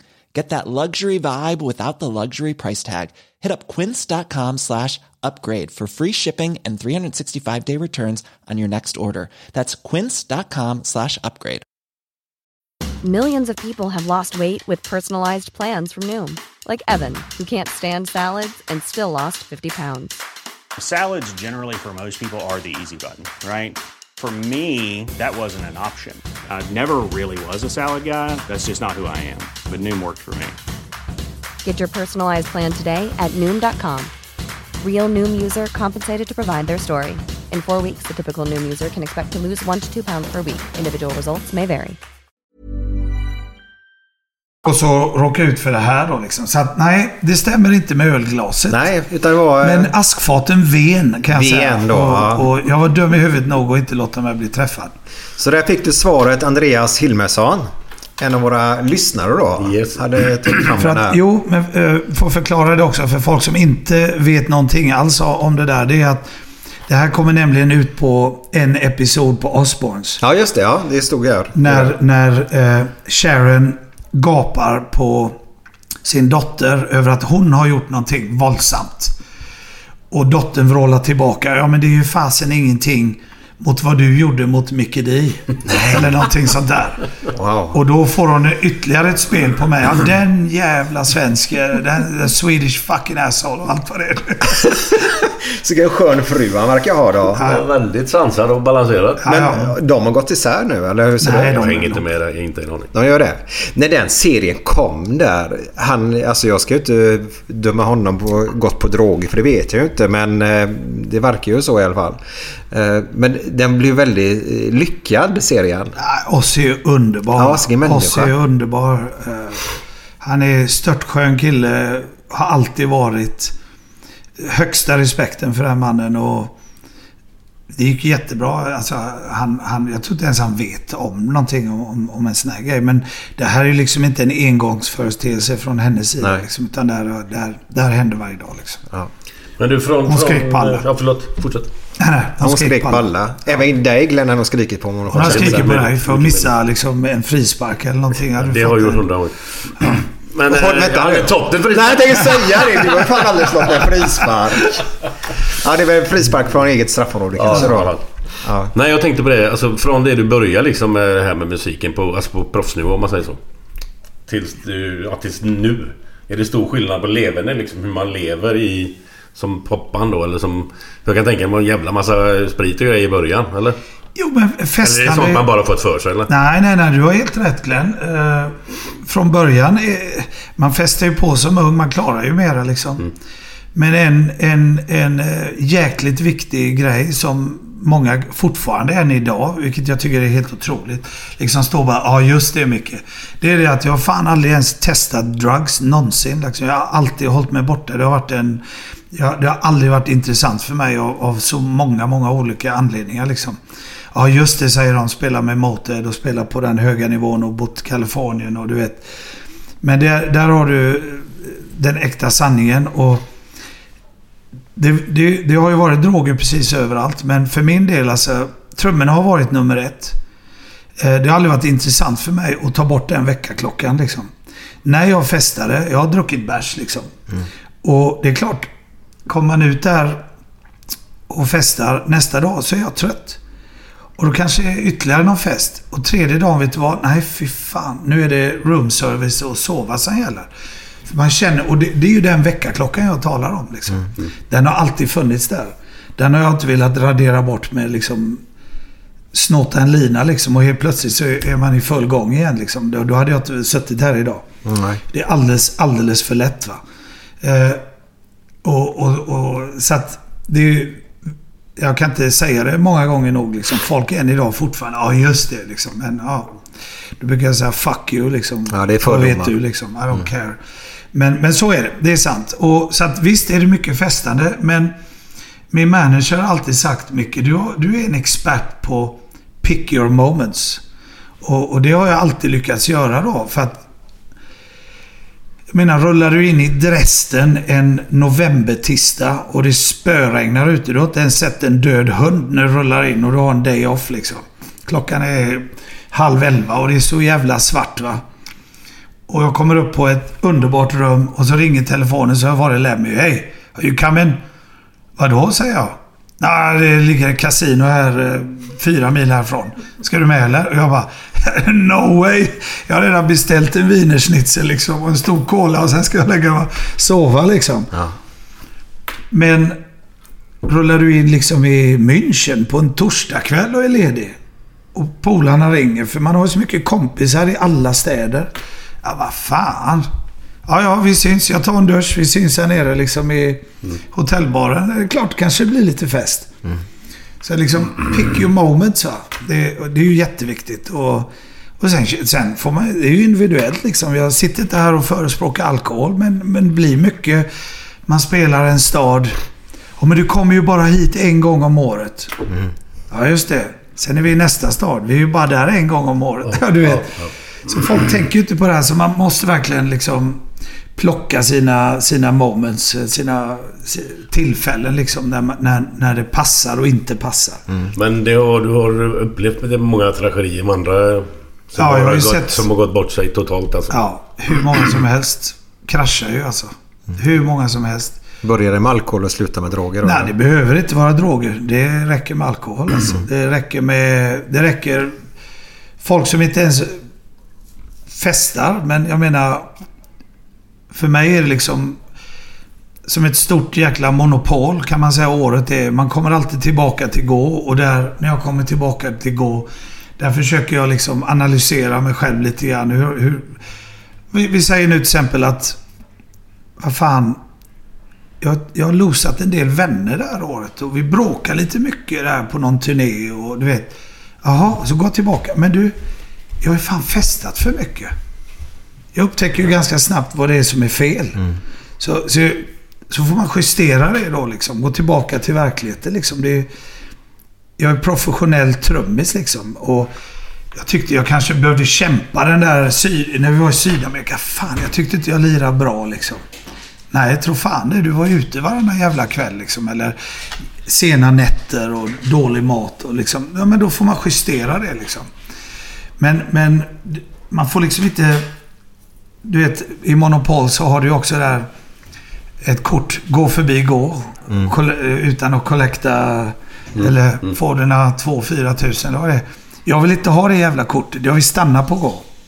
Jag vill kolla liksom hur, hur har det gått liksom. Jag vill kolla runt omkring mig. Sen går det år när, det har varit fantastiskt som föregående år. Tyvärr då att Lemmy gick bort. Men det var ju året innan. Men vi begravde ju Lemmy förra året och det är ju flera andra som har gått bort och så här tragedier lite grann så här. Och hela året är ju inte bara en, en, en dans på rosor. Men, men det var ett bra år. Jag spelade väldigt bra om man går tillbaka till liksom... Till, om jag tänker på mig själv då och just karriären kanske. Jättekul med nya gubbar i, i Scorpions och lära känna nya människor och nya kompisar och eh, ny motivering och, och så vidare. Men, men det där är ju superviktigt hela tiden att man, att man kan liksom stoppa upp i den här jävla cirkusen och bara tänka vad fan gör jag egentligen? Hur går det egentligen? Jag har inte träffat familjen tillräckligt eller liksom, nu är jag bara för mycket här eller för lite där eller du vet, så att, så att allt det där och, och den där jävla väckarklockan som, som jag snackar om liksom, den är superviktig för mig. Ja, det liksom. Så det där med drugs och alkohol, det måste ha en, ett, ett medel alltså. alltså du, du vet. Visst. Jag backar inte på att gå ut en lördag och, och dricka bärs liksom. Och ha kul och träffa folk och vi går på partyn och, och grejer så här. Så att det sitter inte jag och hymlar om. Liksom på något sätt. Men eh, det, det är där det är liksom. Det är där det stannar. Men man har, ju, man har ju fått en... Eller i alla fall har jag, jag vet inte vad du tycker. Men, men, men när man ser ett, framförallt hårdrockband och sådär. Det, det är ju kanske lite mer... Det är ju förutfattade meningar om en... Att... Att det dricks alltså, kanske under tiden man spelar och sådär. Att ta på bira Ja. och kommer igång ordentligt. Liksom. Men det, det stämmer inte då eller? Jo, jo, jo. Visst stämmer det. Visst Ja, gör det det. ja. Men jag kan inte göra det. Nej, nej. Nej, det måste vara individuellt. Det går inte. Det går inte. Jag tar inte en enda bärs före, Nej, nej. före giggen. Munnen skummar igen och, och du vet, nej, nej, vad fan. Det är inte fest då. Va? Jag dricker en bärs när det är fest. Men det är ju lite grann som fredagskänsla. Alltså först gör man arbetet och sen så njuter Sen, man. ja, och, och ibland så passar det inte. Liksom, nej, vi har en tidig... Vi ska dra tidigt imorgon. Eller jag har, vi, har, liksom, vi spelade eh, Rochester, New York på en fredag. Och visst, vi kunde parta. Jordens roligaste grej händer här efter giget. Nej, men vi ska spela Madison Square Garden imorgon. Liksom, jag måste vara på tårna här liksom. Nej, jag skiter i den festen. Jag är Det men jag är imponerad att, att du är så duktig. Alltså, för nu säger jag ordet duktig då. Att, att, att Ja, det lät ju lite... Nej men att du kan göra de valen. Nej men att du kan göra de valen. För jag kan tänka mig att det är inte lätt att göra de valen. Nej, men- tror fan inte att det är... Med det sagt vet du, så får du också gå tillbaka. Det, det här är inte min första eh, cirkus eller första eh, tripp heller liksom. Utan det här är ju någonting man lär sig. Jag har ju, jag har ju faktiskt turnerat internationellt sedan 1984. Det är många år liksom. Och, och, det, och det är samma som folk. Om vi pratar om familjen då till exempel. När, när Max föddes 96. Eh, och folk sa hur kommer det sig att du kan kombinera ni alltid... Jo men det var ju inte så att jag sprang runt, eller med Mia bara liksom. Att jag sprang runt ensam i LA där och, och liksom eh, jaga stripper liksom. Va? Eller bara festa och öste på. Och sen helt plötsligt så sitter jag med en full familj. Det är ju successivt. Man lär ju sig hela tiden att justera liksom. Man får ju lov att justera allting liksom. Familj 1 och familj 2 måste väga jämnt. Va? Och jag kände det många gånger. Speciellt eh, med Motörhead när Max var, var mycket mindre då. Att ibland så tog ju familj 2 över alltså. Alltså Motörhead då. Eh, Lite grann. Och det, då var man inte bekväm för fem öre liksom. Man, man liksom bara oh shit, fick ju nästan lite panik. Måste man justera det där snabbt som fan va, innan det går åt helvete liksom. Dåligt Men var, var de med någon gång? De var med Ja, ja, de har varit med jättemycket. Ja, ja, de har ju åkt jorden runt många varv. Alltså, så att, då får man ju se till att göra sådana grejer då, när man kan det. va. Du och din familj måste ha jätte, jättemycket vänner runt om hela jorden, eller? Ja, det har vi. Det har Vet du att alla dina vänner, så gott som, har en ångest? Ångest? Ja.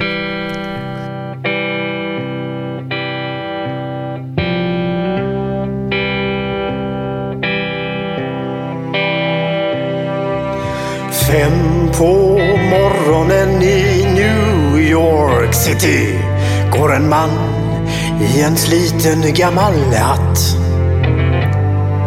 Sveper rocken kring den tunna kroppen, huttrar till. Det har varit kallt i natt. Ser en strumpa sticker ut ifrån hans sko.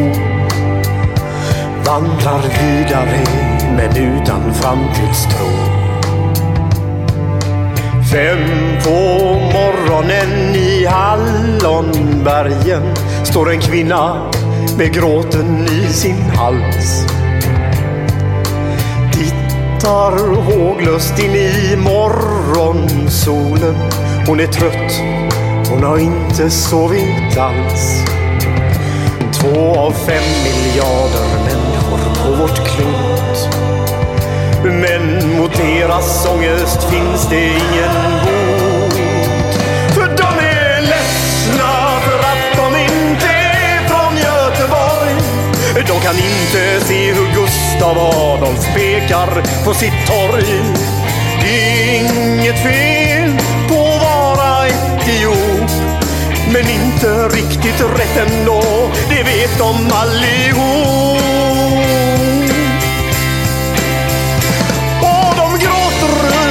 Trampar när de får en inre syn av hur vi som är från Götet tar en öl på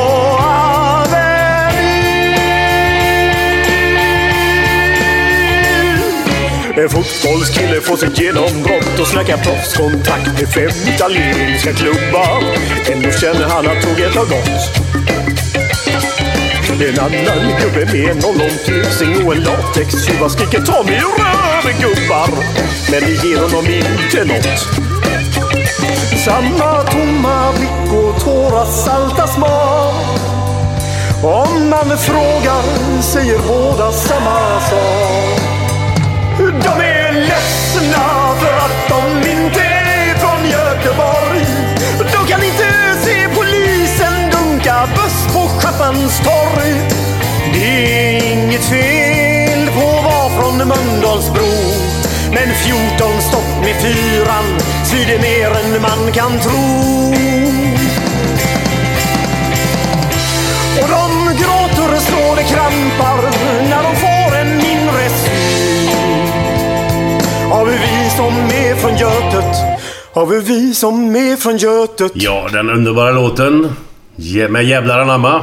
Ångestlåten eller? De är ledsna. Ja. Det är riktigt, riktigt bra låt faktiskt. Även om det låter tragiskt men eh, den är faktiskt bättre än vad det låter. Micke Di var ju lite orolig. Ångest. Ja, Jag sa, fan, ångest ångest är inget kul men det är... Nej, det är Nej, fredagskänsla. Det kan inte ångest. Alla mina kompisar har ångest. Jag tänkte, vad fan är det? Betyder det att jag inte har någon kompis i Göteborg då eller? Jo, någon har det i alla fall. Ja, ett par ska Ja. finnas kvar. En fråga där. eh, Har du någon sån här spelning som du känner att eh, det här var mäktigt. Det här var det häftigaste spel jag någonsin har gjort. Har du någon sån? Åh, det finns så många sådana. Det är den svåraste frågan du kan ställa. Tillsammans med en fråga. Berätta någon story från, eh, du vet. Ja, För att så- det händer grejer hela tiden. Vi brukar säga så här med Motor att vi var ju Spinal Tap utan skript. Ni känner till den filmen. Har ni sett den filmen? Nej. Nej. Ja men jösses. Då, ni måste... Ja, men vilken film är det? Spinal Tap.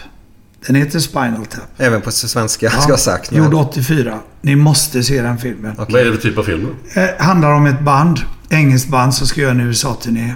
Och så har de gjort det som en... Eh, en dokumentär, fast det är ju ingen dokumentär. Det är ju, det är ju en biofilm, fast det är, det är inspelat som en dokumentär. Mm. herrejösses. Ja, det är det roligaste ni kan titta på. Det är en komedi alltså? Det är en komedi, ja. Ja. Alltså, den är, det blev en sån, det är en sån kultfilm i, i, i musikbranschen. Va? Ja, men du vet, det är sådana fantastiska... eh, Det som händer liksom. Du vet, allt som händer på turnéer. De checkar in på hotellet. De ska ha sex rum på andra våning men de får två rum på sjätte våningen. Du vet, det, allt, är, allt går fel. Va? Den är så jävla kul. Va? Spinal Tap. Och vi var Spinal Tap utan skript. Som vi, för det händer grejer varje dag. Ja. Men eh, visst, det hände gig alltså. Det finns ju otroliga gig. Vi, uh, vi spelade ju... eh, ah, nu är inte alla de här stora giggen alltid bäst. Alltså, de, de är ofta sämst. Men när vi spelar Rock in Rio, 550 000 pers liksom. Det är över en halv miljon människor liksom. Och, du vet, jag kastar trumpinnar allt jag orkar. Jag träffar inte ens eh, säkerhetsvakterna framför scenen. Vet, det, det, det är för stort. Vi gjorde ett konstigt gig i, i Budapest, eh, Pepsi Island där med... Det var Shabowamba, om ni kommer ihåg dem som hade en låt, eh, Whiskey Drink. Nej, jag känner igen det där men drink. eh, jag kan inte... Piss in the night away, ja, vad, vad den nu hette. De hade en hit. Men de öppnade och så var det vi och så var det David Bowie. Och det var 250 000 pers. Sen varje gig under sommaren är ju mellan 50 och 150 000 hela sommaren på de här stora festivalerna och så. Men de... Och med, med Foo Fighters har vi spelat Hyde Park och med Black Sabbath. Det är över... Ja, det är stora gig där liksom. Alla giggen vi gjorde 93 med Guns N' Roses Metallica, alla bowls i USA. Då var minsta giget, det är ju 90 000. Det är ju LA Colosseum då, för det är alla de här stora fotbollsstäderna. Men de är inte alltid bäst. Alltså, jag tycker inte de är speciellt roliga alls. Eh, utan det, mycket mindre gig ska det vara liksom. Men eh, de har ju varit, vissa av dem har ju varit spektakulära då. Som Rock in Rio. Alltså när du går ut där på scen och har 550 000 pers. Det är mycket va? Ja, det kan Det man är väl en lugnt jävla säga. massa folk som Fan. står framför dig. Speciellt när det inte är en arena heller som liksom rundas här. Utan det är bara, det är bara en platt yta. Alltså det är så stort va. Men många som spelar teater säger oftast att det är ju svårare att spela för 20 pers eller en Ja, ja absolut. Spela för tusen pers är ju asjobbigt va. Där de står väldigt nära på dig och så här klubbar och sånt. Det, Mm. det är en helt annan grej. Så att, eh, nej. Men visst, gig sticker ut. Jag kan inte riktigt... Jag gjorde ju nästan 5000 gig med Motörhead. 5000? Nästan. Oj. Vi räknar 4000 någonting. 600 eller vad du vet. Vad, är- vad, är- vad är det man tjänar mest pengar på? Är det gig och sånt? eller? Idag tjänar du inga pengar på skivor egentligen. Nej. Det är ju, du, du får ju spela, så du måste turnera. Mm. Då, och turnékostnaderna är ju svindyra idag också. Liksom, så att Ja, det är allt- mer show idag eller? Det- kostar mer helt Ja, enkelt det måste vara mer produktion som Ja. man kallar det. Liksom, och, och så här. Men eh, ja. Men eh, ja.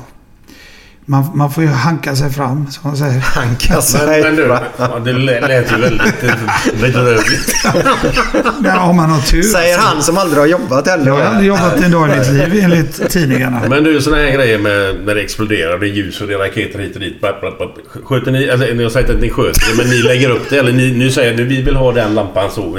Eller har du en gubbe som sköter det? Eller? Vi, vi har ju ljuskillar och så som, som gör... Vi ser till hur vi vill ha produktionen. Och så gör de det. Sen sköter ju Ja. de det framifrån. Det måste de göra. Vi gör ju ingenting. Nej, nej, det förstår jag. Men ni, har, ni säger att vi gärna har det så här. Ja, Vi, vill, vi vill ha så här. Vi vill ha det här på screensen. Den här låten tycker vi passar med hur... Ja, man sätter ju ihop det med ett företag som kan sånt här mer än vad Jag vi säga, man har ju typ av någon regissör eller? Ja, ja. Du har ju folk som, som jobbar med det här bara. Liksom, och, och vilket håll man vill gå åt. Liksom. Så att... Eh, det, det, det är ju absolut... Eh, Jag måste bara fråga, så innan jag har tänkt på detta nu en halvtimme ungefär. När, när man sitter där och spelar trummor. Alltså man, kan- jag, jag som är... Glöm inte den, Jag som är totalamatör när det gäller sånt. Jag tycker det är jävligt underbart att höra på det alltså, men jag kan ingenting om det. Men det känns som att... Det, naturligtvis måste det ju finnas en... en eh, vad fan säger man? Att man vet vad man ska... Vilken jävla grej man ska slå på. Men, men är är det mycket improvisation eller? eller för det är jävla dunkande överallt. Kan, är det intränat allt detta? Ja. Men jag menar, det måste, går det inte att göra improvisera Jo, om du jo. slår fyra gånger på den eller tre eller? ja, men då kommer du takten vet du. Ja, okej. Det, det är ungefär... Jag ska försöka hitta en liknelse här med, med din fotboll. Vad ska man säga? Kanske... Det är ungefär, ska jag vilja säga. Jo, men ungefär som någon går till Heden. När jag kollar fotboll, jag kan inget... Om jag säger, nu kan jag fotboll, men om jag nu inte visste någonting. Jag har aldrig sett fotboll egentligen, eller spelat fotboll. Fan vad ni springer. Springer ni likadant hela tiden? Nej, det gör ni ju inte. Det finns ju ett mönster i det ni spelar. Och en låt är ju 95% samma. Det är ju en speciell takt jag ska spela till en låt. Och trumfilsen är ju ungefär samma. Men sen så kan man ju då improvisera. Man kan lägga till och ta bort och göra om lite grann. Så mitt trumsolo till exempel, det, det har... Ah, säg att jag har tio olika typer av tekniker. Då brukar jag säga att de är exakt samma varje kväll. Men det är den här övergången mellan teknikerna som jag improviserar varje kväll. Det är aldrig ett lika per kväll. Ibland har man en tuff kväll och, och då kan det bli väldigt statiskt. Man liksom bara pop, pop, pop, pop, hoppar mellan teknik till teknik. Och andra kvällar så flyter det in i varandra på ett jätteskönt och dynamiskt sätt. Och då piggnar man till på olika sätt. Vissa tekniker spelar man bra idag. Och, och imorgon så gör man eh, bort sig nästan på, på någon speciell grej. Liksom, fan, man får bara inte ihop det liksom. Och, och då kortar man ner den lite och, och kör vidare liksom. För att man... Ja, ibland lägger man perfekta jävla frisparkar. Ibland slår du dem till inkast för fan. Och man undrar, är det samma kille man tittar på liksom? Ja, men du vet någon som har perfekta foten. Och lägger grymma jävla frisparkar över muren och upp i klykan. Och sen går det, ser man tre matcher i rad när samma gubbe skjuter i muren på knäna på gubbarna. Tänker vad fan hände? Liksom, vad, vad, kan han inte slå längre? Så det, det är ju från dag till dag liksom. Men man tycker ändå det när man, sitter- när man sitter och lyssnar på trumsolo. Det är likadant med gitarrsolo eller vad fan den är för någonting. Att när de bara står där och, är helt inne i det här. Liksom. Är Det måste vara lätt att bara flyga vidare. Ja, men man kan ju balla ur men då får du ett par ilskna blickar bakåt kan jag säga. Vad fan gör han nu? Är det inte tillåtet? Nej, det, nej, det får man ju inte säga. Balla ut också. Ja, du vet. Det måste man ju går loss stämma. totalt liksom. Ja, det, man, man kan ju gå loss Men, men det gör ju du hemma i sådana fall. Ja, Går men sånt där får man ju jobba av sig på sidan och sen liksom. Men, eh, jo, men ibland har man ju fått här små bryt liksom. Då känner du att det inte... Fan vad det flyter nu. Ja, men så Jävlar. kan man ju skoja till det och så ser man ju någon gitarrist eller en sångare och... Vad Vad händer nu? fan gör han nu? Eh, vi ska ta en fråga till. Eh, den är ganska lugn faktiskt. Men det var bara...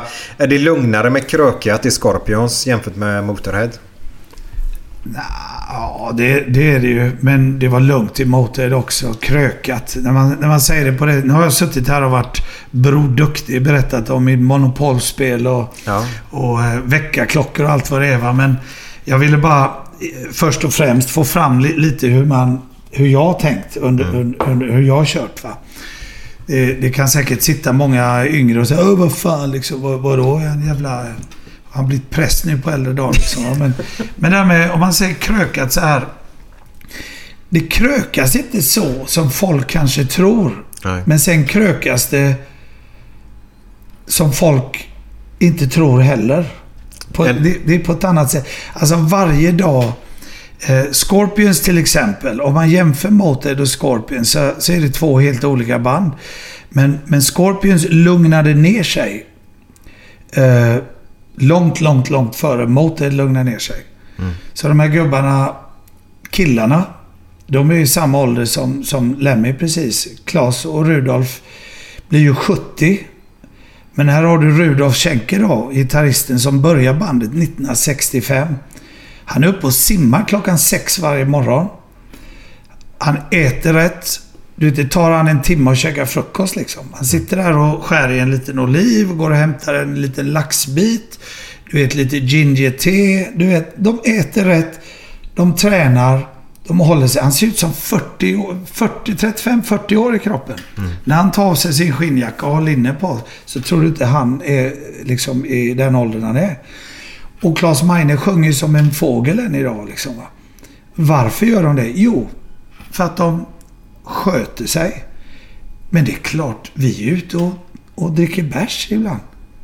Men du vet, istället för att vara ute till nio på morgonen där när vi har gig samma dag. Om vi har det. Så, nej, nej guys, we, let's get back to the hotel. Och då, då är klockan liksom ett. Så att de är också lika... Det är därför jag känner sån gemenskap med dem lite grann. Att de är också liksom, de, de plockar sina, sina, sina tillfällen mer va. Nej, nej, ikväll, har vi äter middag varje kväll tillsammans efter gigget.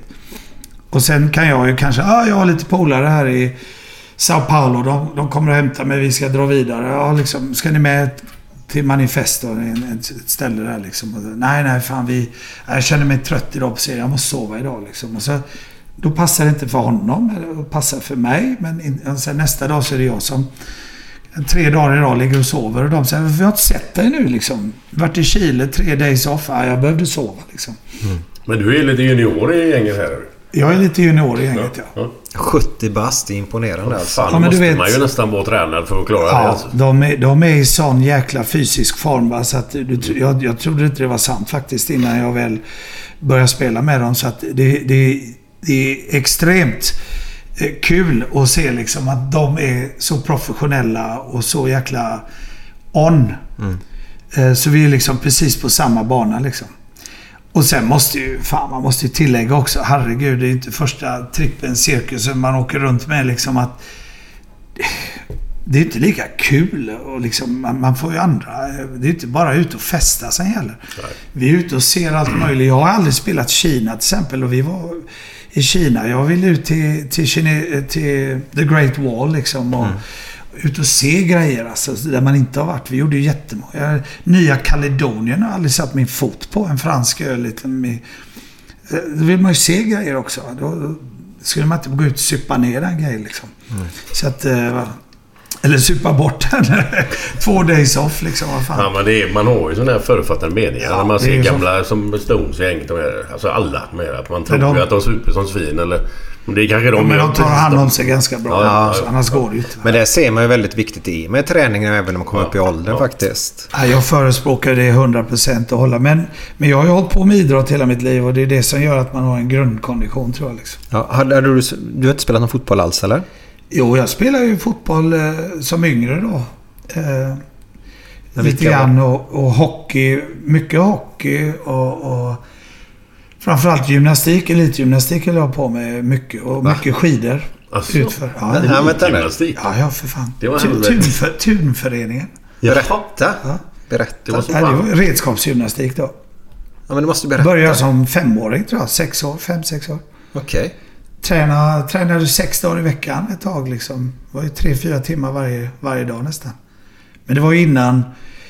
Det var ju på sån nivå då, så när man börjar bli liksom tonnis och, och liksom som jag sa epatrakt och tider och så. När man börjar ta sig en bira så, då, då följer det här direkt. För det var ju nästan lite ryskt på den tiden. Ja, även här i Sverige liksom. Vilken var din starka sida där? Fristående. Det var så? Så du är grym på volter och sånt? Ja, Kan du göra det än idag? Jajamensan. Oh, fan. Värsta är om man står på någon krog och ska göra en flickflack, vet du. Man väger lite mer idag. Men, men händer det att du gör det eller? Ja, ja, det är som om du är på någon jävla Ja, partaj? ja, ja. Min idiot som är... Det skulle jag gärna vilja se. Jag ska visa dig då. Ja, det låter ju... Det, det hade ju... Jo, jo, det sitter allt kvar. Åh, fy fan vad grymt. Jo, men eh, jo, jo, idrott. Alltså musiken var en hobby för mig. Jag skulle ju bli atlet. Det, det här var ju omvänt va. Men sen så tog ju det här över då.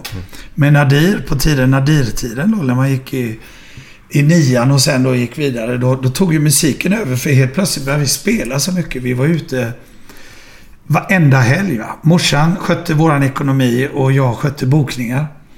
Så, så vi var ju ute på fritidsgårdar och Folkets parker och, och Folkets hus överallt. Va? För att gå tillbaka där till fritidsgårdar Glenn, liksom. Alltså, det, är ju, det är ju för jäkligt att inte det finns idag. Vilken skillnad va? När ungdomar har någonstans. Nu har jag ju två tonnis, eller, eller Max är inte tonåring längre, men där de har någonstans att gå till och hänga liksom. Ja, ja. Och du vet, nu spelade Marcus, nu måste jag säga det här. Vi var nere i Varberg, för hans band de spelade blev inbjudna av Sara Lövgren nere i Varberg. Ja. Hon är ju med och kör en fritidsgård där nere. Eh, och, så, och då skulle de ha lite band och de firade någonting. Och de hade sex band och Marcus band var med nere då och spelade. Och du vet, då har, alltså det är fullt, fullt med, med kids. Absolut alkoholfritt. Och de hade en eh, EPA-traktor ut, eh, tävling. Så det var ju 20-30 EPA-traktorer utanför liksom bil, bilutställning också. Och du vet, hur jäkla cool som helst. Så Sara, alltså det de håller på med där nere, mycket mer sånt där va. Alltså massa ungdomar. Och de har koll på, jag vet ju bara när, när vi själva var unga liksom att... Eh, jag kommer ihåg de som jobbar på det här lekhuset då på Hisingen där. Alltså det, det var ju inte våra extra föräldrar men de hade ju full koll på vad vi gjorde. Det var pingisturneringar, tennisturneringar. De spolade eh, tennisplan varenda vinter. Det var ju... Vi hade is hela tiden så det var hockeyturneringar. Det, alltså, och fotbollsplanerna var ju alltid fulla liksom. Och så Corona. Corona. Corona hade man ju. Och alla, du vet, väggarna fulla med spel. Där ska vi lägga pengarna. Ja, jag håller med dig till Inte på 100%. en massa Nej. jävla undersökningar och utredningar alltså. Utan där ska vi lägga pengarna. De har ju tagit bort alla pengar från våra ungdomar. Vi får inte en spänn va. Och så står de som jävla idioter och bara tittar rakt ut som ugglor. Vad är det som händer? Varför kan det bli så här? Liksom, man blir ju så jävla förbannad alltså. Se till...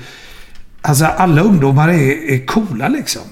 De är, det är schyssta kids liksom och schyssta ungdomar. Men vad fan har de ingenstans att hålla till? Och där kan man liksom då, både föräldrar är med, våra föräldrar var ju med i allt det här. Vi behöver liksom volunteers och... Och så jäkla mycket kostar inte en fritidsgård. Om man jämför vad det kostar att städa upp varenda jävla busskur här efter varje helg. En busskur 40 000 spänn. Som är söndersparkad liksom. Jag menar på den tiden, ja det fanns ju en massa jävla... Flera idioter också va, men...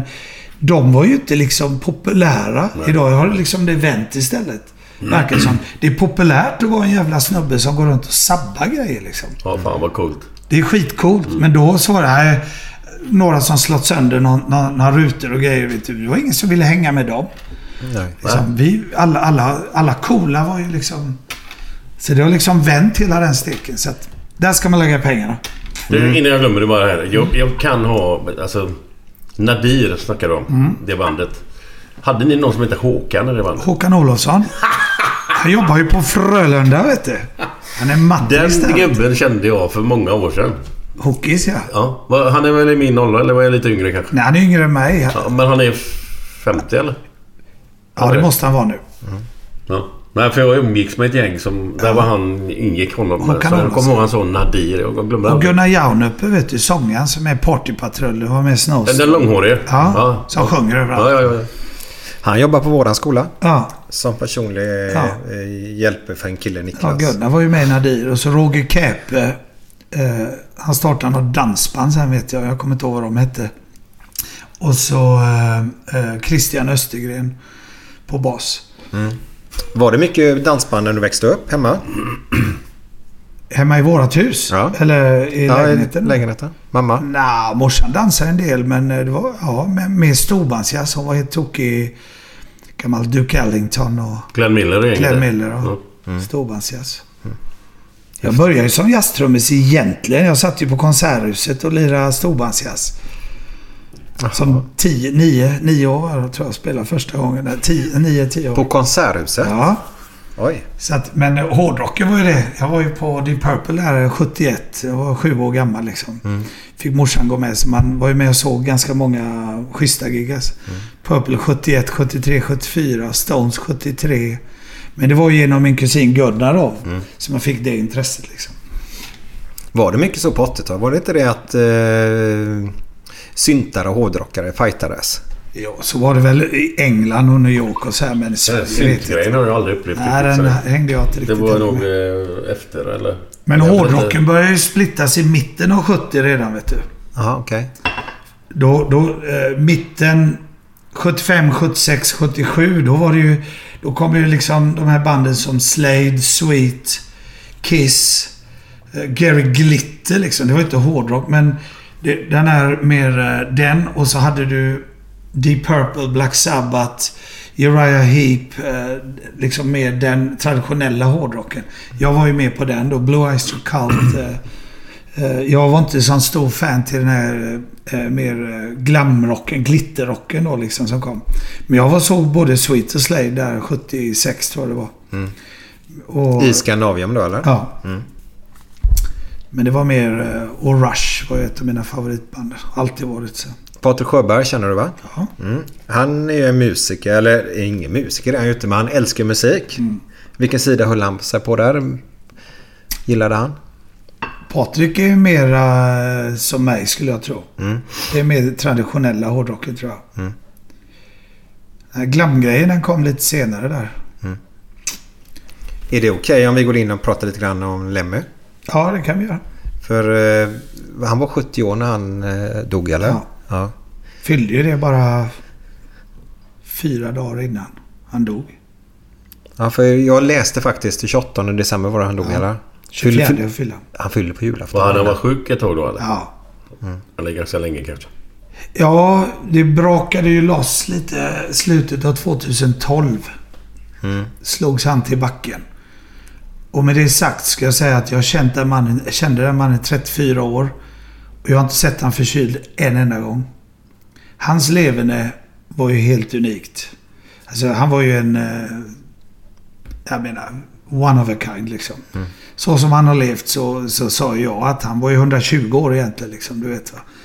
Han har levt tufft men ändå levt så länge då. Så att, eh, men 2012 där då, då... Han drabbades ju av diabetes typ 2 eh, år 2000. Och i stort sett struntade i det. Mm. Eh, han körde sitt race ändå liksom. Jag fick ju jävla massa skit eh, av honom liksom. Jag var inne en gång och bytte ut alla hans Coca-Cola till, till Diet Coke och så här då. Han hade ju whiskyn. Jag fick en utskällning till att duga kan jag säga. Vad fan, sa han liksom. Jag sa ingenting när du blev arresterad i Denver. Och jag sa, ja men det är ju fan samma sak.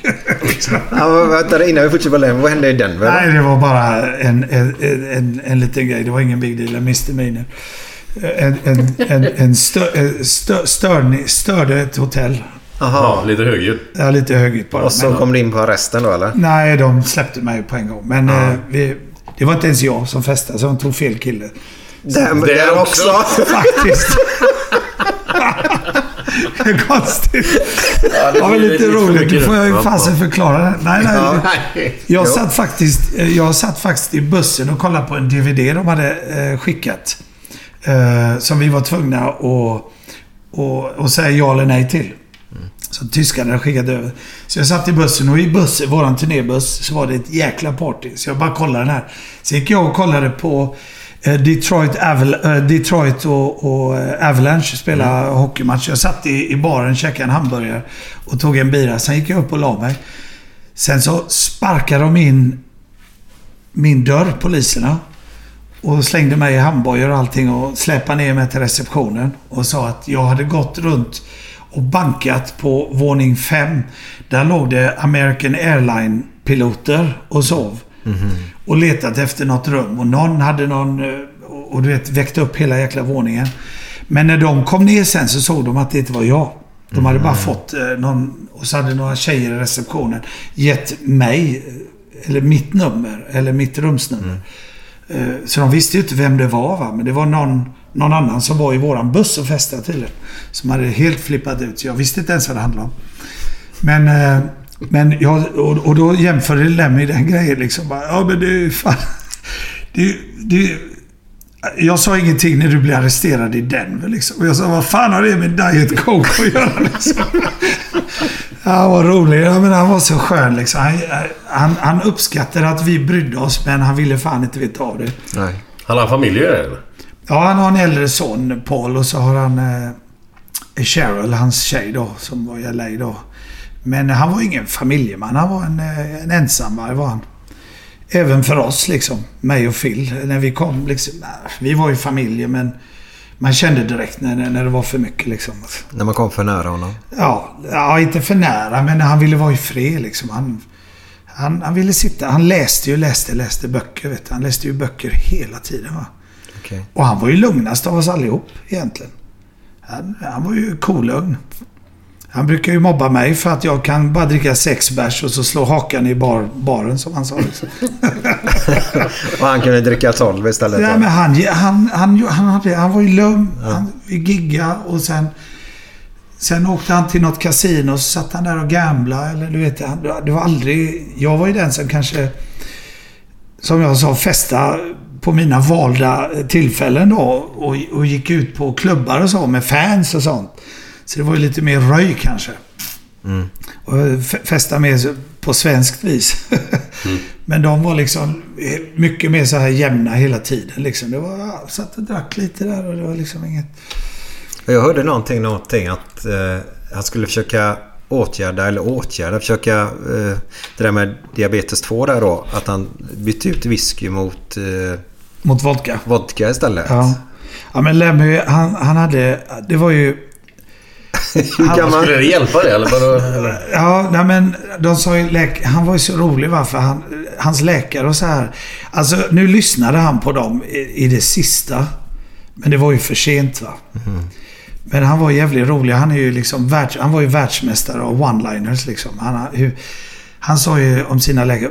Vad fan vet de? De är ju bara läkare liksom. Tyckte han va.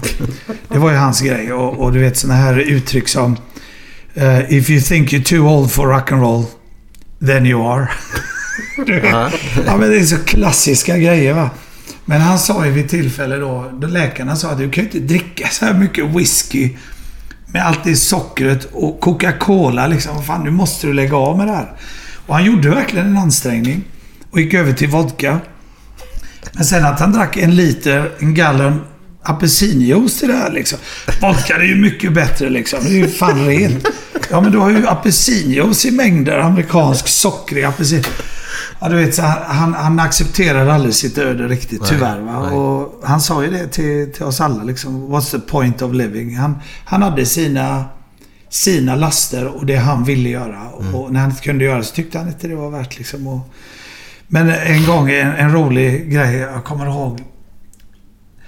En gång så åkte han på en halsfluss. Eh, det är enda gången jag har sett han sjuk innan han blev sjuk. Och det var, för han gick ju runt i en avklippt eh, jeansväst. Eh, du vet 10 minus ute liksom. Pissvåt i håret efter gigget och rätt ut liksom i, i kalla vinter. Men han, åkte, han, han hade i alla fall halsfluss fått det. Så fick han penicillin. Så sa ju... Ja, jag vet inte om det var halsfluss. Vi hade, det hade gått halsfluss i, i bandet i alla fall. Och, och croon. Strep throat som det heter då. Och, och Lemmy vet du så... Han började få ont och så läkaren kom till, till hotellet. Och, så, och då, det var en vinterturné, det var här i Europa. Och vi skulle göra Skandinavien och sen till Ryssland. Så när jag hörde detta då så sa jag till Lem, se nu till och käka hela den här jävla kuren nu. För kommer det här tillbaka sen, är du vet, och Det knockar dig direkt va. Det blir ännu värre. Så ät dina tio dagar nu liksom och sluta inte efter två för att du liksom... Så han, what are you talking about? sa han. Vad, vad pratar du om? Jag checkar upp allihopa. That should kill the bastards. han åt... Allt på en gång. Allt på en gång. Svalde ner det med whisky. det, det borde döda de jävlarna. Så den är ju underbar. va? That should kill the bastards. Han. Han blev faktiskt bättre, men han blev sjuk sen igen. Ja, jag förstår det. Ja, det kanske inte är jättebra. Ja, var ju- Men du vet, på, på den, han var ju simpel liksom. Och, och vi tjötade på honom. Han bodde ju i en liten trång tvåa. Och, och jag sa, vad fan, skaffar du inte större? Du kan inte ens gå in i din lägenhet här i Hollywood liksom. "Ja, Vad ska, jag till, vad ska jag med större till? Du kan bara vara i ett rum åt gången ändå. Det var liksom... Ja, det. det Och han har ju rätt liksom. Sund idé. Eller sunt. Sunt tänkande egentligen. Nej, men han, var, han var en väldigt simpel man. Superlärd. Han var ju ett geni egentligen. Han hade ju fan, han var så himla lärd va. Och så allmänbildad så det fanns ju inte. Jag menar flyga till LA, sitter bredvid en präst, kan ha full konversation i 13 timmar. Flyger med en businessman, liksom ska till Wall Street, full konversation. Sitter med historiker, kan allt om historia, kunde allt om historia. Fruktansvärt lärd. Eh, och smart man va. Men som sagt, väldigt simpel och väldigt rakt på. Så det var inga... Vi skulle ha mer gubbar av honom. Då hade vi inte haft så här jävla skit runt omkring kan jag säga. Massa 25-åriga politiker som tror att de kan allting. Det är fan ett jävla skämt. Vad vet de? De har fan inte ens barn. Nej, nej. Nej, politiker då blir ju Och så sitter de och bestämmer om hur fan vi ska köra bil och hur vi ska föda barn och hur vi ska ta... Vad, de, vad som är bäst för tonåringar och du vet... De har fan inte ens börjat med p-piller. Bara det. Bebisar. Bara den Vad är- Jag var tvungen att lägga in den. Ja, ja. var, var, var det diabetesen som, eh, som tog hans liv eller? Nej, det var cancer som tog hans liv. Det var det? Han visste inte ens om det. Okej. Och vi visste... Ja, han hade ju fullt med tumörer. Men han visste inte om det alltså? Hjärnan och, och nacke och... Ja, nej. Och inte vi heller. Och du vet, vi spelade ju... Fan, nästan två veckor innan sista giget i Berlin vi gjorde. Det är helt otroligt att han ens kunde stå upp. Men där har du... Där har du... Eh, där har du en rock'n'roll-gubbe. Han var ju stenhård va. Det skulle inte ställa sig in någonstans va. Och jag tänker ju idag på honom. Jag gav ju 100% varje dag på scen. Men vad han fick ge de sista ett och ett halvt, två åren. Han var ju tvungen att ge 250% för att ens klara av att, att göra giget. Men det skulle inte ställas in. Så det var ju fantastiskt liksom. Det, efteråt så alla bara satt och gapade liksom. Bara, att det här kunde vara så. För att eh, han blev ju mycket smalare och så. Och han, tittar man på honom så kunde ju många säga så här i efterhand. Sa han så här att Ja visst, men det kunde ni väl se, sett att han hade cancer. Det var ju klassiskt. Liksom. Ja. Ja, det håller jag med om. Om du tittar på han. Men de, folk visste ju inte vad jag visste. Och jag visste att han inte åt. Så jag trodde han tappade vikt på grund av att han slarvade med maten. För Cheryl, hans tjej, sa liksom nej, han ville aldrig äta någonting före gig. Och efter gig så var han så jäkla utmattad. Så han glömde av middag. Han ville inte äta. Han somnade ju liksom. Han bara liksom tuppade ju av i stort sett. va.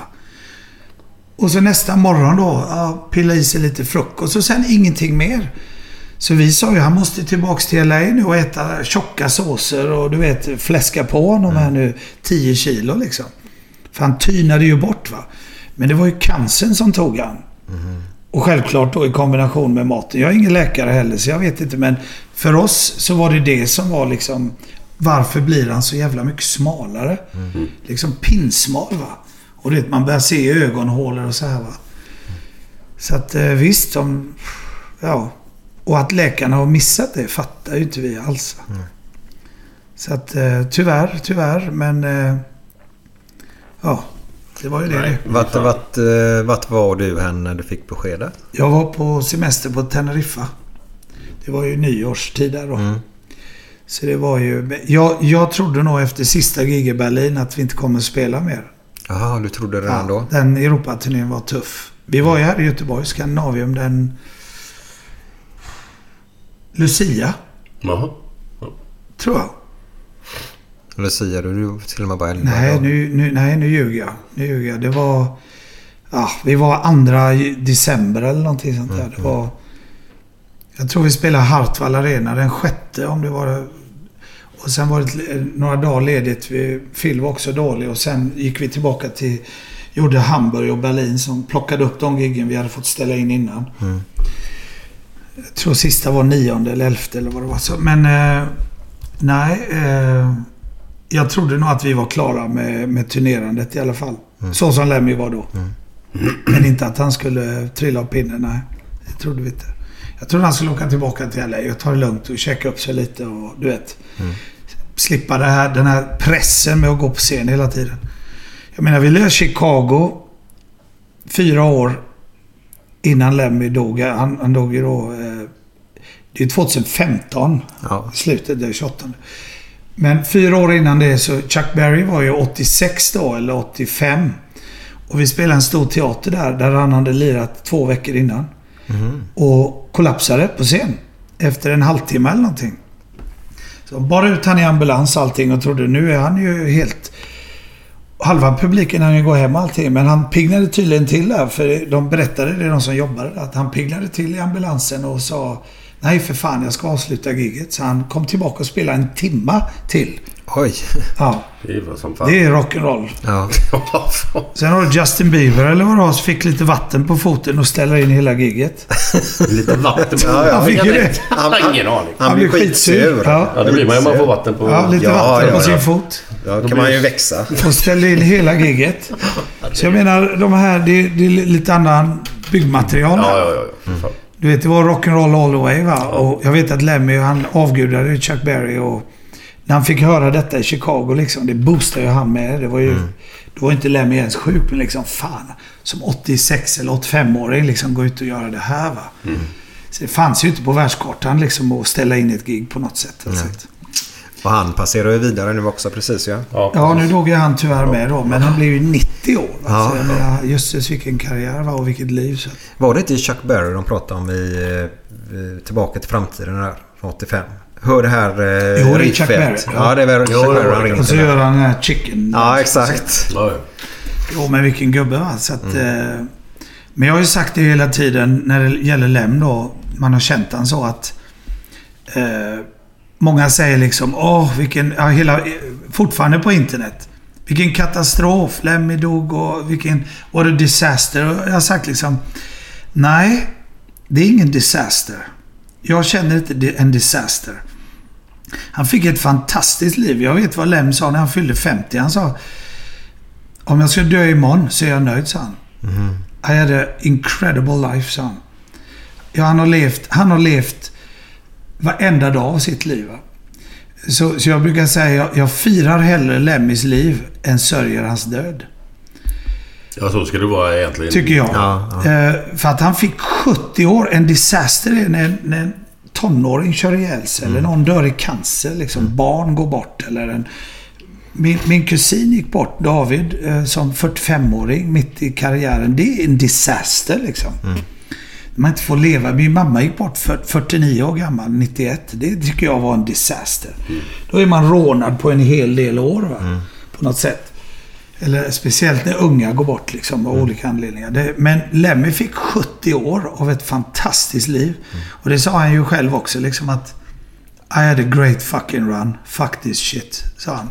Han skulle inte börja med någon strålning och du vet så här. Han, han var nöjd liksom. Så att, och den gubben som han var, va?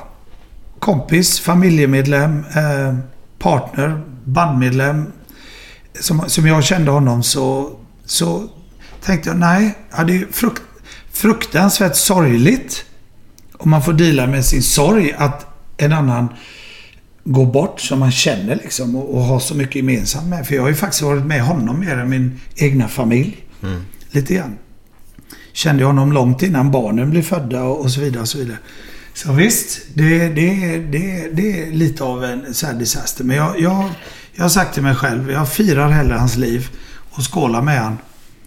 Än, än, än sörjer och, och, och bara deppar ner mig i hans död alltså. För att Ja, det var väldigt- inte honom alls va? Väldigt fint sagt faktiskt. Ja, absolut. Eh, vi har en kille som heter Martin Pers Pettersson här.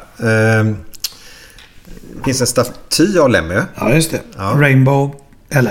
Ja, och han frågar då hur, eh, hur det var eh, känslan av att se honom avbildad. Ja, otroligt. För den var väldigt bra gjord.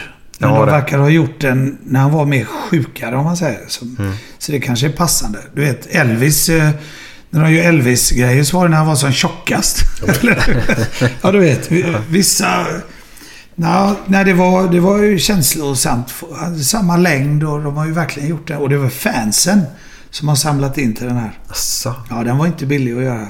Tror jag. Så att det är fansen runt om i världen som har, som har samlat ihop till det här. Mm. Vilket gör det ännu mer Häftigt ja. fräckt. Eller fräckt ska man inte säga, men eh, otroligt. Vilken världsdel är ni störst i? Nej, vi var ju ganska jämna överallt. Mm. Liksom, Europa var ju lättare att turnera liksom. Och Sydamerika är ju roligast tycker jag, för det är mest liksom ös. Men, Ja, det är så? Men det är också eh, jobbigast kanske. Okej. Ja, för att jag menar, vad fan, att rulla in en generator eh, som, och gaffatejpar elkablar som kan försörja Hovås liksom. Du vet va? ja, det är bara liksom, det funkar väl tycker de. Alltså, det, är, det är så mycket liksom manjana-grejer där va. Det är lite Hawaii på, på, eh, på mycket där va. Och en arena håller 20 men de släpper in 30. Det får inte ske liksom Nej, i Europa eller i USA. Nej, nej, liksom, nej. och så vidare. Så att, så att, eh, men, men det blir ju ganska exciting och, och kul. Mm. Och de är så jäkla varma och du vet utåtgående liksom. Så att, eh, Mm. det kan man ju säga är fräckt. Ja. Men det är, en, det är en liten risk förstås. Och så mycket säkerhet då. Det är alltid de här kidnappningsrisker och, och du vet. Vi har ju för fan en liten armé med oss som ska följa med oss överallt på hotellen. Och vi får inte lämna utan livvakter och så här. Så att, Det är så alltså? ja, det är verkligen tufft. Och det är i Sydamerika då? Ja, mer Centralamerika då. Ja. Men eh, Sydamerika också. Mm. Men Centralamerika är ju stenhårt. Mm. Där, där är det tufft. Mm. Tyvärr. Ja, det är ju jättetråkigt. Men du, ja, kör Ja, ja, men jag måste bara ringa ett samtal. Nej. Nej. Jo, jo, det måste du så måste Nej, du. nej, men annars. Jag vet inte hur mycket vi har kvar här nu bara. Nej, vi ska avrunda här nu. För eh, jag börjar få lite panik här nu. Nu får han panik igen. Nej, men det är lite... Jag måste fixa lite grejer här också. Så att jag, det är en som ska till jobbet också. Camilla. Ja. Som, som du växte upp med då. Ja, just det. Ja. Men varför känner inte... Har jag, jag har inte Ja, men hon henne? är ju tre år yngre än vad du är och i den åldern så Ja. umgicks man ju inte med tre år äldre. Eller? Ja, men Hon, hon är tjej. Ja, Jo, jo. tjejer umgicks med äldre killar ofta. Vi jagar ju bara Hon, hon sa bara att du uh, spelar gitarr hela tiden. Och gitarr, gitarr, gitarr. Eller gitarr, vad säger jag? Gitarr. Fan fick jag det? Fiol hela tiden. Han spelar blockflöjt varenda jävla dag. Ja, det gjorde ju alla på den tiden. Ja. Spelar du blockflöjt? Nej, för katter. Inte ens, var, du, var du inte ens tvungen? Jag var inte ens i... Nej, var inte. Jag har för mig att alla blev tvingade. Nej. men det är Ja, inte så ja, här, det är mer minnet är ju kast. Vi ska avsluta här nu och runda av. Men eh, jag måste faktiskt berömma. Du bor fantastiskt. Alltså, det, jag har varit i väldigt många olika hem och jobbat och det är inne i stan, våningar, lyxvåningar och hus. Ja, i varenda stadsdel nästan detta. Men eh, otroligt snyggt boende har ni. Trevligt. Tack, tack. Mm. Ja, men det blir lite så. Bor du i en resväska så vill man ha det fräscht. Mm. Men, eh, nej, men det, det här är ju också lite av min hobby kan man säga. Du vet med trädgård och, och liksom designa eh, greja, joxa, du vet. Mm. Jag kan ju sitta på en stol där ute bak och, och liksom bara kolla hur man ska få till lite nivåer och, Mm. Och grejer. För, Ja, för, det är grymt. Ja, men jag gillar inte det. Det är jag som går här och potar och stylar och joxar. där. Och, Ja. Liksom fan om vi tar bort den väggen eller om vi gör så eller om vi gör si eller... Ja, nej men det... Jag vet inte. Nej, men det är Sen blir man ju aldrig nöjd. Sen vill man ju flytta huset två meter till höger när allt är klart liksom. Börja om allting. Bara lyfta. Ja, fan. Det är ju Molander spelas ju in i detta huset. Ja, just det. Kan vi ju nämna om det är okej. Aphuset kallar jag det. Varför då? För folk står ju... Ja, liksom tittar. och pekar. Jag har till och med monat folk. Ja. Jag, jag har hängt ut rövar här i storfönstret. Ja, fan vad bra faktiskt. Ja, fan de kommer ju in vet du, och kladdar på bilar och går in här på trädgården och allting. Bara för att den spelas in här. Ja, och så vet de en del också att man bor Du är här. liksom. Ja. Ja, fan. Så Men den utspelas ju i Alingsås då, men spelas in Ja. här då i Hovås då. Och det var ju Erik Eriksson, Ja. huvudrollsinnehavare. Yes. Då var jag faktiskt här, två hus härifrån bara och målade. Ja. Eh, Och då sp- spärrade de av vägen Ja, där just när de spelade in. Kaos på gatan. Ja. Men då gick folk i området här att sa så här. Nej men det ska bli typ som en sån här serie som Solsidan. Fast i Göteborg. Men det blir det ju inte. Men den, blev, den var väldigt poppis. Jag gillar den jätte, jätte, många jättemycket. tycker Jag tittade på några avsnitt. I början var den pisstråkig tyckte jag. Men sen, sen blev det ju bara sån här underhållnings... Det var ingen, ingen direkt drama, ingen, ingen våld. Ingen, men det, mesta liksom går ju åt antingen sex eller våld idag. En Ja. serie liksom. Jävligt dramatiskt va. Men den här var ju bara en sån svensk vanlig serie tyckte jag. Men den, den, Lugn och harmonisk. Ja, och... den, jag kollade lite på den där. Mm. Det var kul att se då när man... Ja, Hälsne i Ratthus har varit med också. Men eh, otroligt duktig målare har du haft här också. Ja, Han hette också Micke va? Ja, Ja. målar mycket. Jag har gjort ett bra jobb. Jobbar duktigt här, tycker Mm. jag. Kvalitet Nej, men på vi är grejerna. snickare och jag menar, vi har ju använt oss av, av samma killar. Tormo. Min kompis Tormo på Haby Bygg får man väl eh, skicka en liten... Eh, ett, ett stort tack till också. De, när vi bodde i Fiskebäck så allt, allt som man vill göra då. Du vet sådana killar man lämnar nycklarna och så åker jag på turné. Mm. Och Så så, är det familjen med. Ja, nu kan ni vara här i tre veckor och, och joxa liksom. Du vet, det är inte en sån här jävla blåsgubbar liksom. Nej. Och sen så kände du Zäta då. Som jag ibland Zäta, jobbar han med. spelar ju fotboll med min son Max. Ja. Och min yngre son Marcus, han har aldrig spelat traditionell eh, fotboll. Han spelar amerikansk fotboll med Marvels. Mm. Och så är han med Göteborgs judoklubb. Och eh, tränar. Och så har han sitt band. Så Mm. att det, är, ju- det är ju liksom aktiviteter. Det går ju hundra liksom.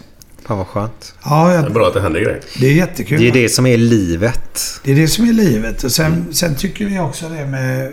Har vi alltid haft. Liksom det ju- kan ju vara tio man på middag här liksom. Vi har ju hellre alla ungdomar här liksom. Och, och hänger liksom. Eh, man blir lite förvånad över det. Många, många säger nej, varför, varför är ni aldrig... Jag kan ju fråga... Ja, nu Marcus. Max sköter ju med sig själv liksom. Marcus kan säga nej, men de kanske inte tycker att de... De får ju vara hemma, men de vill inte ha så mycket folk och sådär liksom. Och en del kompisar. Mm. Och då undrar man lite så här, vad fan... Vad konstigt. De här åren flyger ju igenom. Alltså. Det är ju det roligaste som finns. Ja. Och just Fiskebäck, när båda grabbarna var yngre. När Max var i moppåldern. Jag kom hem liksom.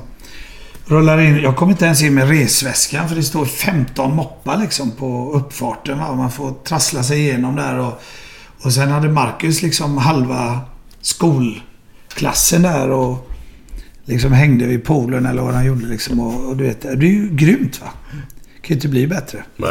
Fortsätt så. Det är så man laddar upp sina batterier va. Ja. Absolut. ja, men det är det. Ja. Man får ju energi av barnen. Ja, visst är det. Samtidigt så hörde jag ju att när du väl kommer hem från tur- turnén så får du ju ställa dig och måla här hemma för då är det mesta sabbat. Då, då ser det ut. Då är det jag, var det jag som hade min granne Arne i Fiskebäck stå och käka en hörnekock-macka där och lite O'boy och så står vi och klipper häcken. Står och köttar. Jag kollar alltid på han vad han gjorde för då börjar jag med liksom. Jag visste inte. När är det dags att klippa det och göra det Ja, liksom. du har inte koll på dig själv där. Nej, jag hade fan ingen koll men... Men, eh, men han, när han började. Ja, ja okej. Då var det väl dags att ta ut grejerna alltså. Nej, det var roligt. Man lär sig hela tiden lite. Ja, det är bra det. Det är jävligt Ja. bra. Eh, vi undrar av här nu, rundar av här nu Yes. då med en eh, låt från eh. Motorhead då. Alltså Motörhead. Eller vill du ha Scorpions eller vill du bara ha en favoritlåt? Ja, jag skulle vilja köra en... Du får eh, inte säga vilken det är nu. Alltså? jag. Nej. Ja, du säger det till mig sen så lägger jag in den. Jaha. Jo, Eller jag... du kan berätta varför du vill höra Ja, den. jag kan säga lite snabbt. Eh, det är band som inspirerat mig mest. Mm. Och, och speciellt trummisen då. Och det här svänget som ni kommer att lyssna på. Eh, från en liveplatta. Eh, finns inte på världskartan liksom. Det, det, när, man hör, när jag hörde det så börjar allt Eh, och det är just den här rundheten och den här dynamiken. Och det här eh, hur man kunde spela så. Mm. Och än idag så är, är, är, tillhör det bland mina favoritlåtar. Liksom. Eh, Motorhead har jag ju spelat själv så jag väljer ingen av, av mina egna låtar Mm. eller så. Eller inte, inte Scorpions heller för de har också fantastiska låtar. Speciellt Tokyo Tapes liveplattan eh, från 70-talet som blev en sån jäkla smash hit. Och, ja, de har mängder. Men just den här låten inspirerade, eller den här plattan då, som ni får höra. Så Mm. eh, ja, lyssna och njut. Lys- lyssna och njut. Och efter låten så kommer ju då en stressad Glenn nu och drar Ja, en jävla... så, Glenn. Slappna av. Ja, men jag glömde ju jag glömde ju att påa lite här ju. Vi spelar ju faktiskt Sweden Rock här med Scorpions. Ja, 8 den juni va? 8 juni, ja. Ja. En fredag. Mm. Och sen hoppas jag att vi eh, kommer till Sverige väldigt, väldigt snart. Mm. Och gör en, en riktig, rejäl turné. Mm. Men eh, till att börja med nu, eh, 8 juni, då eh, måste ni komma och kolla. Vart, vart, vart Det spelas är nere i Sweden Rock? Sölves- Sölvesborg där. Ja. Sweden Rock. Mm. Så Det, det blir min första hemmagrej här, så det ska bli fantastiskt kul att, att mölla på. Och då ska jag försöka att svänga lika bra som den låten som kommer nu. Som kommer nu då. Men Det häng klarar du kvar. säkert jättebra. Häng kvar där ute nu så kommer Glenn med sin vits som vanligt.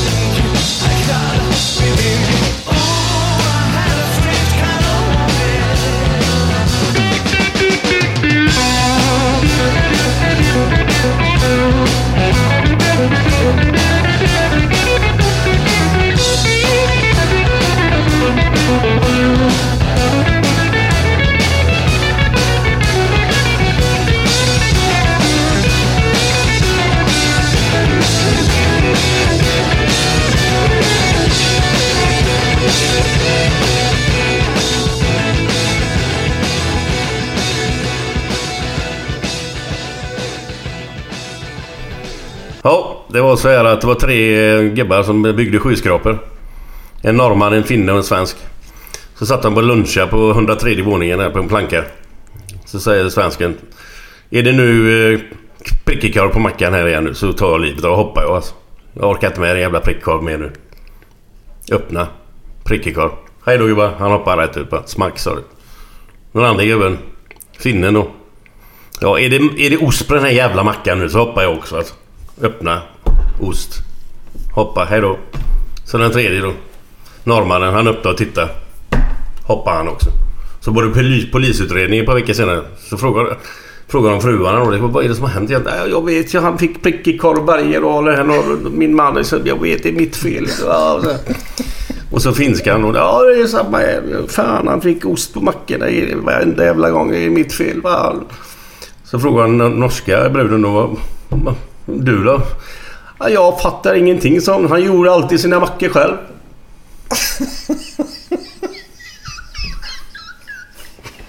Åh. Glenn, Glenn. Ja, vad säger man? Det var ju så jävla dåligt.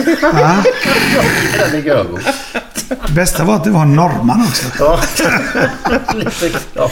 Ja, det var bra. Det var bra. Hej då, hej då, hej då. Hej då. Tack så jättemycket.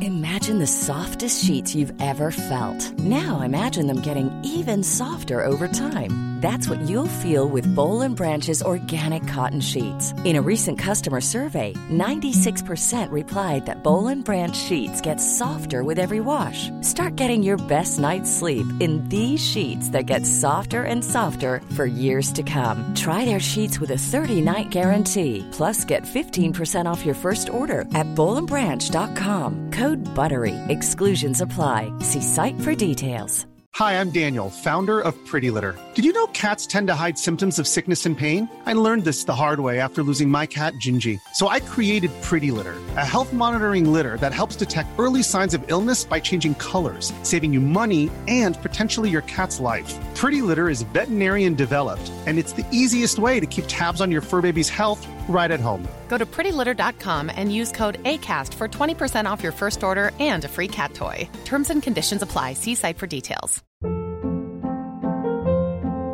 Hold up. What was that? Boring. No flavor. That was as bad as those leftovers you ate all week. Kiki Palmer here, and it's time to say hello to something fresh and guilt-free. Hello Fresh. Jazz up dinner with pecan-crusted chicken or garlic butter shrimp scampi. Now that's music to my mouth. Hello Fresh. Let's get this dinner party started. Discover all the delicious possibilities at hellofresh.com.